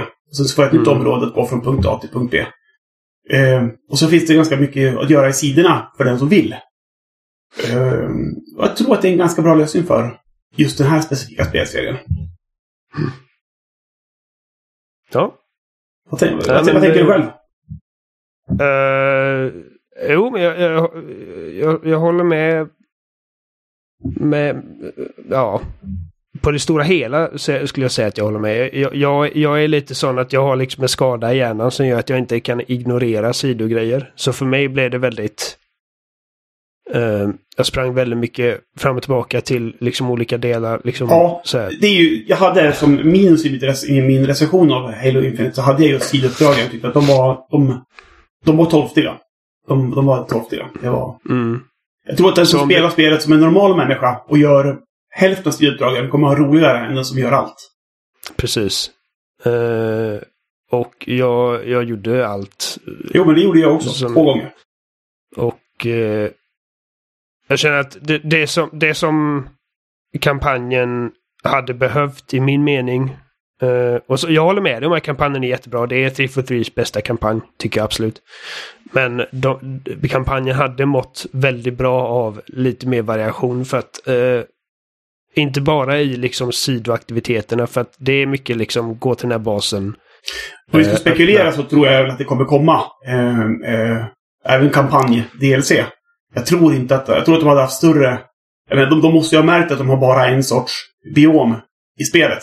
Det är ju Precis. ingenting som, det är ingenting som de har undgått liksom. Så det finns liksom singulära banor i föregående Halo-spel som har mer miljövariation än vad hela det här spelet har. Korrekt.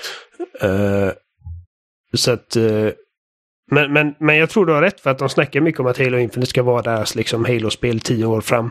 Jo. och liksom någon sorts... Jag vet att de, de, de är försiktiga med att kalla det live service-spel för att det klingar illa i många öron. Det är ju inte Eh. riktigt ett live service-spel på det sättet. Det är ju det är ett halvt live, live service-spel. För de har ju multiplayer som man kan kalla för live service. Men ja. Mm, jag kan tänka mig att liksom Halo Infinite blir som en sorts hubb framöver. Något sånt ja, precis. Eh, Lite som Master Chief Collection har varit om vi ska vara alldeles uppriktiga.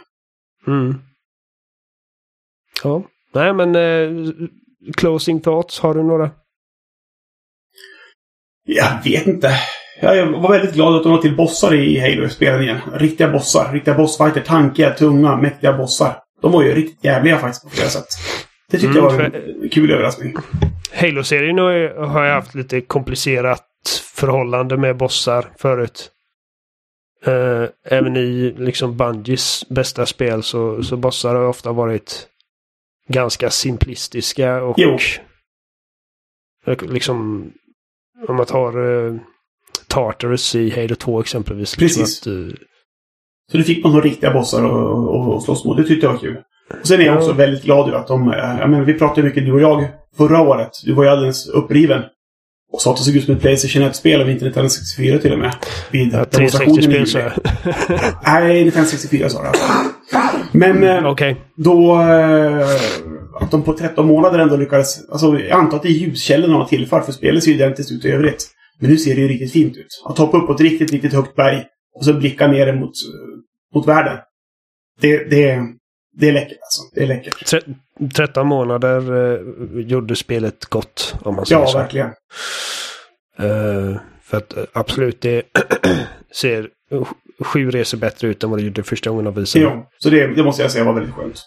För det var ju någon farhåga man hade liksom att, vad fan, vad är, ja. Jag tror också att det, det var mycket... För att dels när de släppte ju... Första teasern de släppte var ju mer av en, nästan av en showcase för deras Slip Space Engine. Precis. Och det såg ju helt makalöst ut. Jo, Eh, och eh, jag tror att eftersom att eftersom att det var liksom okej det här är detta är liksom deras första visning av ett Next Gen Xbox-spel så tror jag att förväntningarna var ganska höga. ja. Men jag håller med. Verkligen, verkligen. Eh, Jag skulle tillägga Ja. också att jag hade haft en bubblare. Till. Alltså jag Ja. hade inget alternativ till Halo Infinite. Men man, på konsol så nummer två, som jag inte heller hade velat rucka på. Sen kan man börja diskutera lite olika kandidater. Men nummer två hade jag haft Psychonauts 2. Fullständigt briljant. så. Mm. Ja, ja, men det, det är där uppe Då har jag nämnt Det, det är ett av mina...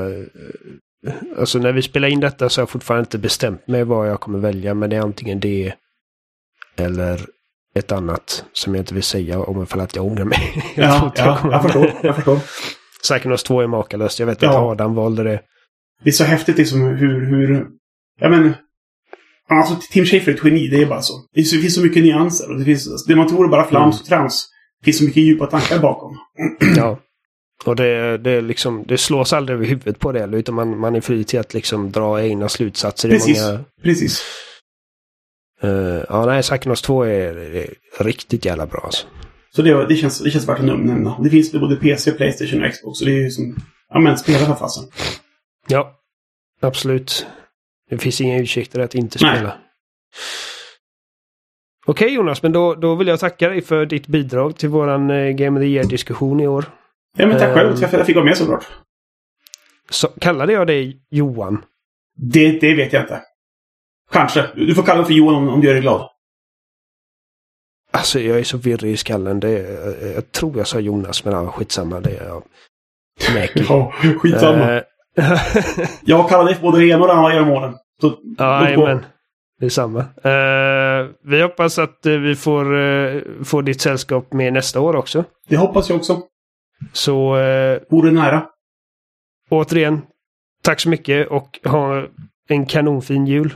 Detsamma, detsamma. Allt gott. Hej hej. Tack för det. Då sitter jag här med eh, Stefan, alla vår favoritkompositör. Eh, hur är läget Stefan? God kvällens. Ja, det är bara bra här, tack. Ja, bra. Själv då? Själv då?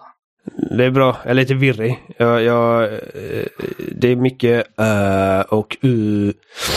Jag är sjuk. Jag ber om ursäkt för att jag snörvlar. Eh, jag, jag har snutit mig men det verkar inte hjälpa så mycket. Sn snutit, snutit, snytt. Svenska är konstigt. Jag har snytt mig. Du har snott, snott dig. ja. Uh, ska vi se, bara, bara- bara, kort här. Hur tycker du att uh, spelåret har varit? Jag tycker spelåret faktiskt har varit ganska bra för min del. Eh, jag som brukar, inte- jag brukar inte hänga med och spela saker som släpps hela tiden. Men eh, när eh, sen PS5 kom där jag tänkte att jag ska försöka vara lite med, med på bollen. Så att säga. Mm. Så att vara med på de releaser jag tycker verkar vara intressanta. Och så har det varit lite ett ganska lugnt spelår. Så för min del, som inte hinner spela allt för mycket, har det varit ganska, ganska bra spelår skulle jag vilja säga. Jag håller med. Det har varit bra tempo tycker jag. Det, det har liksom inte varit åh, fyra storspel som man vill spela varje månad.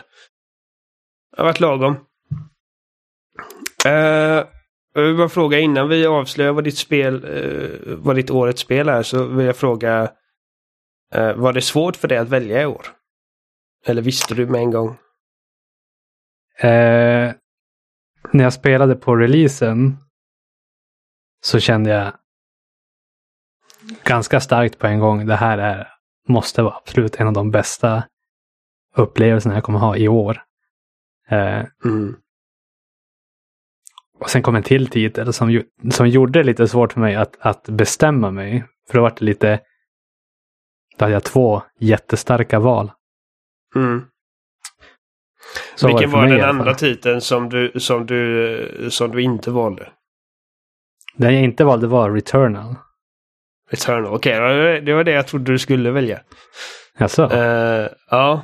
ja, bara nu när du sa det liksom, när jag spelade på release så kände jag, men, men jag, jag, nu när, det, när jag vet att det inte är Returnal så tror jag att jag kan gissa vad det är för någonting.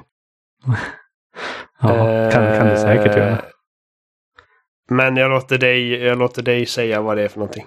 Så vad är det? Ja. Vad är årets spel för Stefan i år? Årets spel för mig är Cyber Shadow. Ja, Den tog du. den tog jag. Ja. Ja. Vad är Cyber Shadow? För att jag tror att eh, av alla spel som kommer nämnas på eh, det här årets avsnitt om Game of the Year så tror jag att det här kanske är det som minst människor känner till och har spelat. Det, det tror jag också. Det är som lite under radarn. Speciellt, det är väl en av de mindre kanske indiespelen som har släppts i år. Men det är ett eh, 8-bitars... Typ om de gjorde Ninja Gaiden idag, fast det vore svinbra istället för frustrerande, så hade resultatet varit Cyber Shadow. Ursäkta. Eh, ja. Och eh, de, de utgivarna är eh, Yacht Club eh, Games, de studion som har gjort Shovel Knight. Eh, och det är ju en Som var studio. Jag, Game of the Year det året. Ja, ver- verkligen. Eh, och eh, det är en studio jag verkligen, jag verkligen tycker om. Så att allt de släpper ut och det är deras tillit till, då känner jag fan det här måste man ju spana in om de ger sin kärlek till det spelet. Och Cyber Mm. Shadow, det är bara gjort av en, en person också. Som har haft samma glöd för så här äh, gamla, gamla, gamla spel från, från äh, eh, 8-bits-eran. Och eh, Cyber Shadow har som mer blandat in lite mer eh, moderna element också. Så det, inte, det känns inte, som att, inte bara, som att du, bara som att du spelar ett gammalt 8-bitars spel. Utan eh, det känns jäkligt tight också att spela. Mm. Ja, det får jag också se. För att, för att jag spelar också detta tack vare det. Jag tror, tror du till och med köpte det åt mig när det kom. Jag känner att Eh. du måste spela det här. Ja, precis. Eh, och jag lyckas ta mig igenom det. Jag vet att Amanda spelade och hon, jag tror inte att hon fastnar för riktigt. För att det kan vara lite... Alltså det är inte lätt spelet. Det, det är ganska svårt. Uh, Ja. Ifall man inte heter Stefan givetvis. Eh, för vanliga dödliga kan det vara rätt utmanande och, och eh, till och med frustrerande på, på ställen för att spelet eh, det finns vissa grejer, eh, typ som den här dashen man får senare. Ja, jag tror att spelet säger liksom att du ska dubbelklicka åt ett visst håll för att, för att få igång den och sen lärde du mig att det räcker med att man trycker bumpern istället och det blir mycket lättare helt plötsligt. ja. Och det lärde jag Ehm. mig bara var jag satt och bara tryckte runt med fingrarna på kontrollen och så tryckte jag på typ R1 så bara tsch, vart en sån där dash. Precis. Um, ja, alltså det, det, det är ju jättetydligt var inspirationen kommer ifrån. Alltså det, det är direkt liksom att okej, det här är typ Ninja-guiden. Uh, Lite på steroider. Ja, men precis. Eh, och inte för att det inte har en egen identitet, för det har det, men det är liksom det, det är bara ett sånt spel som man, man känner igen liksom var influenserna ligger. På ett Ja. väldigt charmigt sätt. Eh, och... Jag, jag skulle också eh, vilja säga att spelet är ett sånt spel som det må vara, vara kännas svårt och intensivt i början men det är ett sånt där spel som blir dels roligare ju längre in man kommer för man låser upp mer och mer här ninja-färdigheter som att typ studsa på väggar och Mm, dasha, slänga ninjastjärnor och sånt där. Så att dels blir det roligare Absolut. ju längre in man kommer desto mer ninja man blir men jag upplever också som att det är roligare ju bättre man blir på spelet också. ja, utan tvekan. För det här är ett sånt där spel. Eh, första gången då tog det ungefär sex timmar att ta mig igenom allting. Och då tog jag allting som fanns också. Vi gjorde en 100% sparfil. Och jag tror jag klarar ut det en fem, sex gånger nu. Och nu tar jag mig igenom spel på ungefär en och en halv timme. Mm, Så att det, bara öser igenom. ja, och varje, det känns som att varje gång lär man sig som någon ny teknik och någon ny frän grej man kan göra med saker. Man kan leka runt lite och så hittar man som sin egen rutt så att säga. Sitt eget. Man hittar sin spelstil. Mm. Ja, det har ett härligt återspelningsvärde av, av den anledningen. Ja, lite som Shovel Knight och de spelen har. Precis. Som jag också tycker blir roligare ju bättre man lär sig ja, spelet. Ja, ut, ja, absolut. Absolut. Ehm, det påminner mig om eh, ett spel som kom för ett par år sedan som heter The Messenger. Ja, Eh, det är också som- jättebra. Messenger är jättebra också, ja precis. Eh, och det har ju den här gimmicken om att man liksom typ färdas mellan två dimensioner. En 8-bitar och en 16-bitar. Eh, vilket är jättecharmigt och det har väldigt bra humor och grejer. Eh, det, jag- det jag känner att The Messenger föll pladask på lite är att det är liksom halvvägs in plötsligt blir ett Metroidvania och den här liksom Uh, ska man säga, fokuserade upplevelsen som, som det hade varit fram till den punkten gick lite förlorad. Och det problemet har inte Cyber Shadow. Nej, precis. Eh, jag håller med att det, hade, det har extremt bra tempo, The Messenger, fram till den punkten det blir eh, Metroidvania. För helt plötsligt vet man inte, man vet inte riktigt vad man ska göra på en rak arm. Så då går man mycket Nej. fram och tillbaka och letar efter open ends man ser på kartan. Att, Precis. Men allt annat Det- i The Messenger är ju så klockrent. Humorn och allting. Att du går runt med den här secret scroll. Och sen Ja. i, i, slutändan de bara, har du inte tittat på den? Du har haft den på, du har haft, du har haft den på dig hela tiden. Det är ju en karta såklart. Humorn och eh, författandet i det spelet är helt briljant verkligen. Och den delen känner jag inte att Cy- Cyber Shadow har på samma sätt. Men Cyber Shadow är å andra sidan en mer, eh, en mer fokuserad upplevelse. Ehm, som Ja, aldrig det- riktigt eh, släpper taget om dig. Nej, det, Cyber Shadow är som, nästan som en intensiv eh, berg och dalbana. Rakt, rakt igenom. Mm. Ja. ja det, det är aldrig tråkigt. Och det är liksom, saker och ting är svårt men det, det är liksom när du väl varje liten boss eller varje liten liksom svår plattformsbana eller vad det nu kan vara. Man får en sån här eureka moment när man inser liksom att okej, så här, det är så här jag slår den här, liksom som jag klarar av detta. Och då är, liksom, då är man fast. Ja, det finns en färdighet också i, i eh, Cyber Shadow. Man låser upp ungefär kring halvvägs. Och det är som en, eh, eh, vad ska man säga, en, en eh, man absorberar, man, liksom, absorberar projektilerna. Att man som ja, man, precis. möter, man möter en port som skjuter små bollar. Då ska man lära sig bara att trycka. Det är lite finurligt. Man ska trycka som mot projektilen just när den ska snudda dig.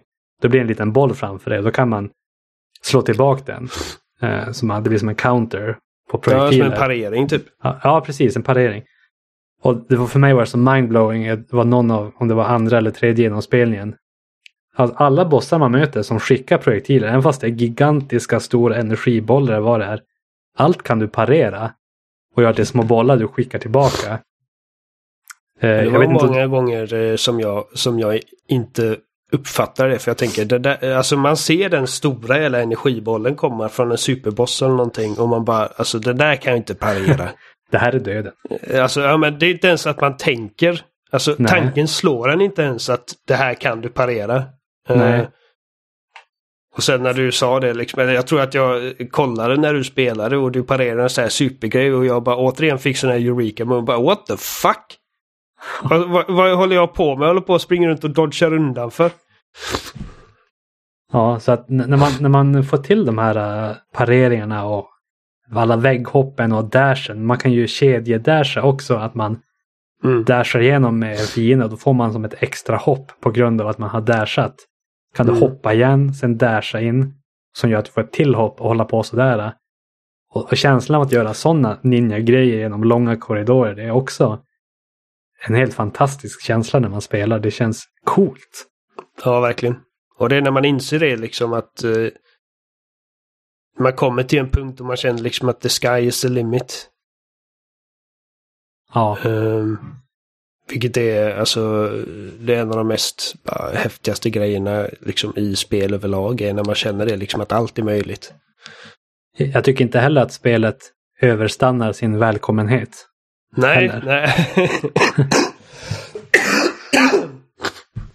det är så här svängelsk... eh, Men, ja, men jag, jag förstår vad du menar. Alltså, det, det, det tar slut ungefär när man vill att det ska ta slut. Och eh, det är alldeles lagom långt. Men det tog ungefär, jag tror sju timmar för mig att klara det. Mm. Ehm, och då var det liksom mycket för att jag liksom inte var, alltså jag dog en jävla massa. Eh, Jag tror att ifall man bara liksom spelar det normalt och liksom klipper ut alla gånger man dör så tror jag att det är liksom betydligt kortare än så.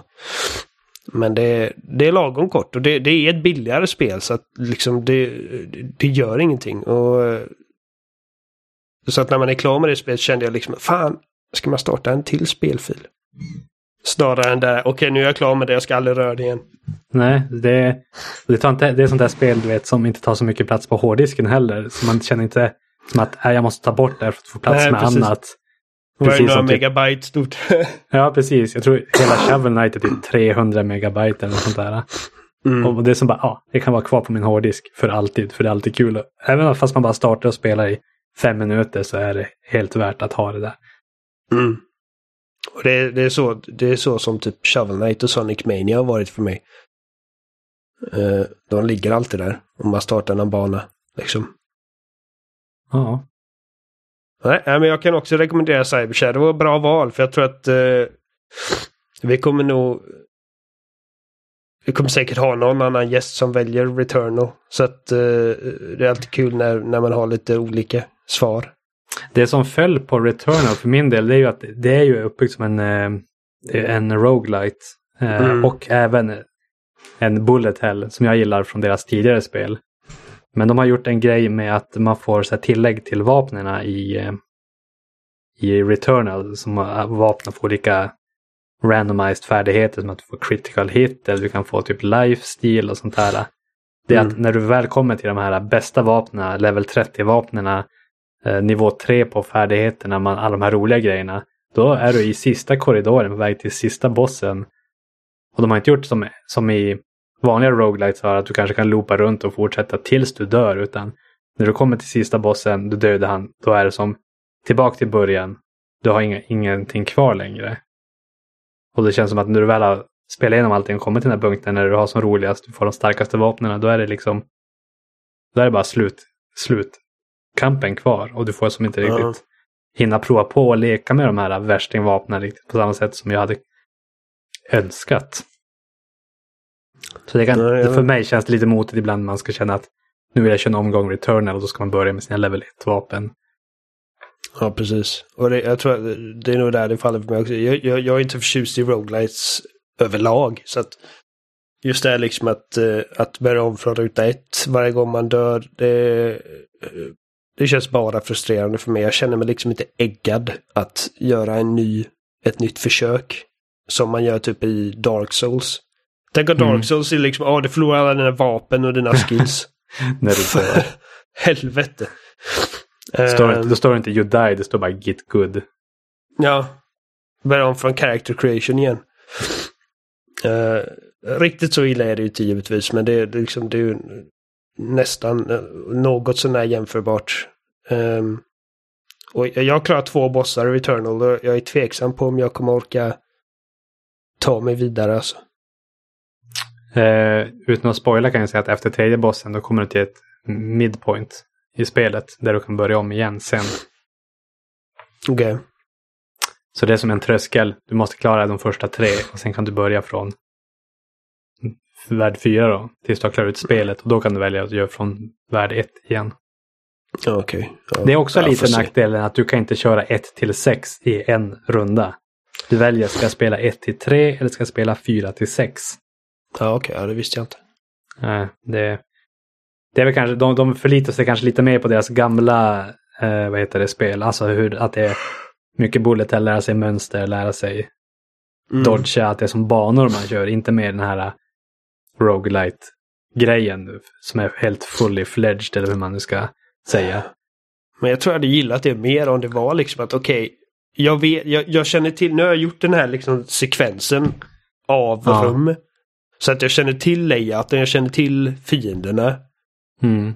Jag tror att då hade det inte varit lika frustrerande att börja, börja, börja om för mig i alla fall. För att då, då, liksom, då vet jag vad jag ska förbereda mig på.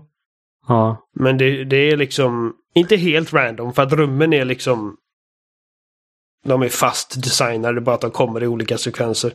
ja. Ehm, Så, så Men, det känns som ja. lite de har gjort en halvdan bullet hell arcade shooter och en halvdan roguelite samtidigt.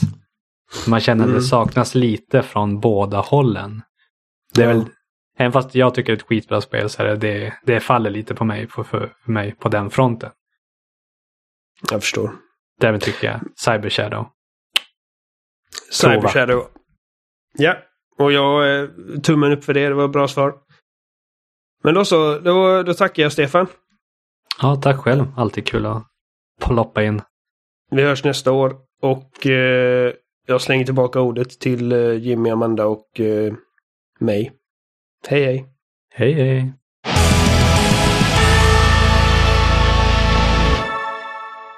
Då är vi välkomna tillbaka. Eh, Ja, så till, det är vi. ja, det är vi. Jag välkomnar er med öppna armar till vår podd. Eh, faktiskt. Eh, och det var ju så att förra veckan så sa vi att vi ville gärna att folk kunde skriva in eh, vilka spel de tyckte var bäst. Vi har faktiskt fått av DJJC på Twitter som har skrivit om vilket spel som eh, hen tycker är bäst. Och skriver så här. För mig är Metro Dread årets bästa spel. Snygg grafik, bra gameplay, tight kontroll, lagom utmanande och med spännande atmosfär. På andra plats kommer Narita Boy. Älskar den visuella stilen på spelet och musiken. Handlingen var också överraskande rörande. Och det måste jag ändå säga att jag känner att Metro Dread har liksom försvunnit lite från samtalen årets spel faktiskt. Den fick lite recognition på. Game Awards. Ehm, Som typ årets... jag kommer inte ihåg vad det vann.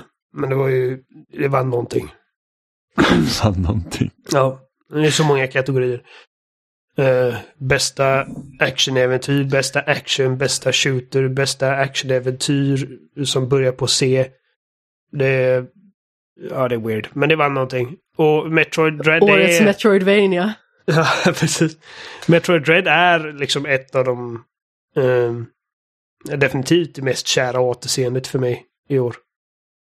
Eh, Ja. Men eh, det är inte riktigt liksom toppskiktet för mig heller. Det, det ligger stabilt precis under toppskiktet. Mm. Ja, nej, jag gillar också Metroid Dread. Det var väldigt utmanande dock. Ja, ja, jo. Ja. Alltså mellan För varven. dig. Sen tyckte jag att M... Nej, M. M... Sen tycker jag att Emmy-robotarna var väl inte sådär jätteroliga. Det är väl typ det Mm. jag tycker är sämst i spelet. Mm. Ja, jo. Ja, nej det, det, det, är inte, det är inte det bästa Metroid-spelet och det, det är inte ett... Ja, det är liksom- inte det sämsta. Nej, definitivt inte. Det, det är riktigt bra. Och... Eh, Ja. Ja. nej, det är... Vi fick in det, vi fick in liksom ett litet eh, Metroid-ögonblick på podden i alla fall, så det är bra. Mm. Sen, sen måste jag säga, jag gillar också valet av Narita Boy som runner-up för att det, det var också ett väldigt bra spel. Ja, Väldigt, eh, det har jag inte hört talas om. Det finns på Game Pass. Det, man, man spelar någon karaktär som är fast i ett dataprogram typ. Och sen så... Ja, det, det är typ som ett Metroidvania light Det är typ nästan. Matrix. Ja, lite så. Alltså åt det hållet typ. Eh, men det, det var kul att höra. Ja, men det var... Det var det för det här. Det här är sista avsnittet som släpps i år. Så Ja. att, eh, det, har varit, det har varit kul för alla som har varit med och lyssnat. Och eh, lyssnat på våra tokigheter. Det är ändå, vad är det, hundratals timmar? Nej, inte få i alla fall. Nej, är det ganska mycket. Eh, och det här är egentligen då så här första delen i vår liksom, trio av avsnitt som sker eh, mellan årsskiftena. Så vi har årets spel, nästa vecka är det spelmusik extravaganza och veckan efter det så är det liksom, då blickar vi framåt och så pratar vi om vad vi ser fram emot 2022. Och sen så är vi igång i vanlig ordning igen med allt vi brukar göra och har för oss helt enkelt. Det, det avsnittet kommer heta Horizon och God of War Ragnarok. Det är titeln. med litet inspel av Advance Wars. Just det, ja. Eh, ja, det, det måste jag nog säga. Det är nog det, det, är nog det uppskjutet som jag är mest... Uh, uppskjutningen, vad säger man? Förseningen. Ja. Eh, som jag är mest be- liksom, lite ledsen för. Det är att Advance Wars inte fick släppas nu i december. För att jag såg väldigt mycket fram emot det. Så- Eh, så att det, ska bli, det ska bli väldigt kul när det kommer i mars. Förhoppningsvis. Och nya Pokémon också. Ha! Det ska också bli spännande att se hur det blir. Men det ska vi prata om när vi faktiskt är på det avsnittet. Precis, det ska vi prata om om två avsnitt. Nästa vecka så är det massa spelmusik. Så har ni spelmusik ni tycker om så, så eh, mejla in till kontaktespelsnack.com eller kommentera i våra sociala kanaler, eh, spelsnackpodd eller på loading.se. Eh, vilken spelmusik tycker ni har varit bäst i år så får vi ännu mer tips för att även om vi har en ganska gedigen lista så kan vi inte höra och lyssna på allt. Eh, så att det blir er läxa till nästa vecka. Eller ja, inte ens till nästa vecka. Ni får göra det, släpps på onsdag så det är snabbt som fan. Niklas Urban nu. Ja, precis. Så, att, så fort ni har lyssnat på det här avsnittet och hör mig säga de här orden så bara kasta er på ert tangentbord och bara skriv det här musiken tycker jag är bra. Så eh, får vi se. Jag kan ju även säga att eh, Shame of the Year kommer ju inte långt efter årsskiftet också. Ifall man vill höra mig och Jimmy prata ännu mer om förra årets spel plus film plus serier. Ja, precis. 2021 will haunt me forever.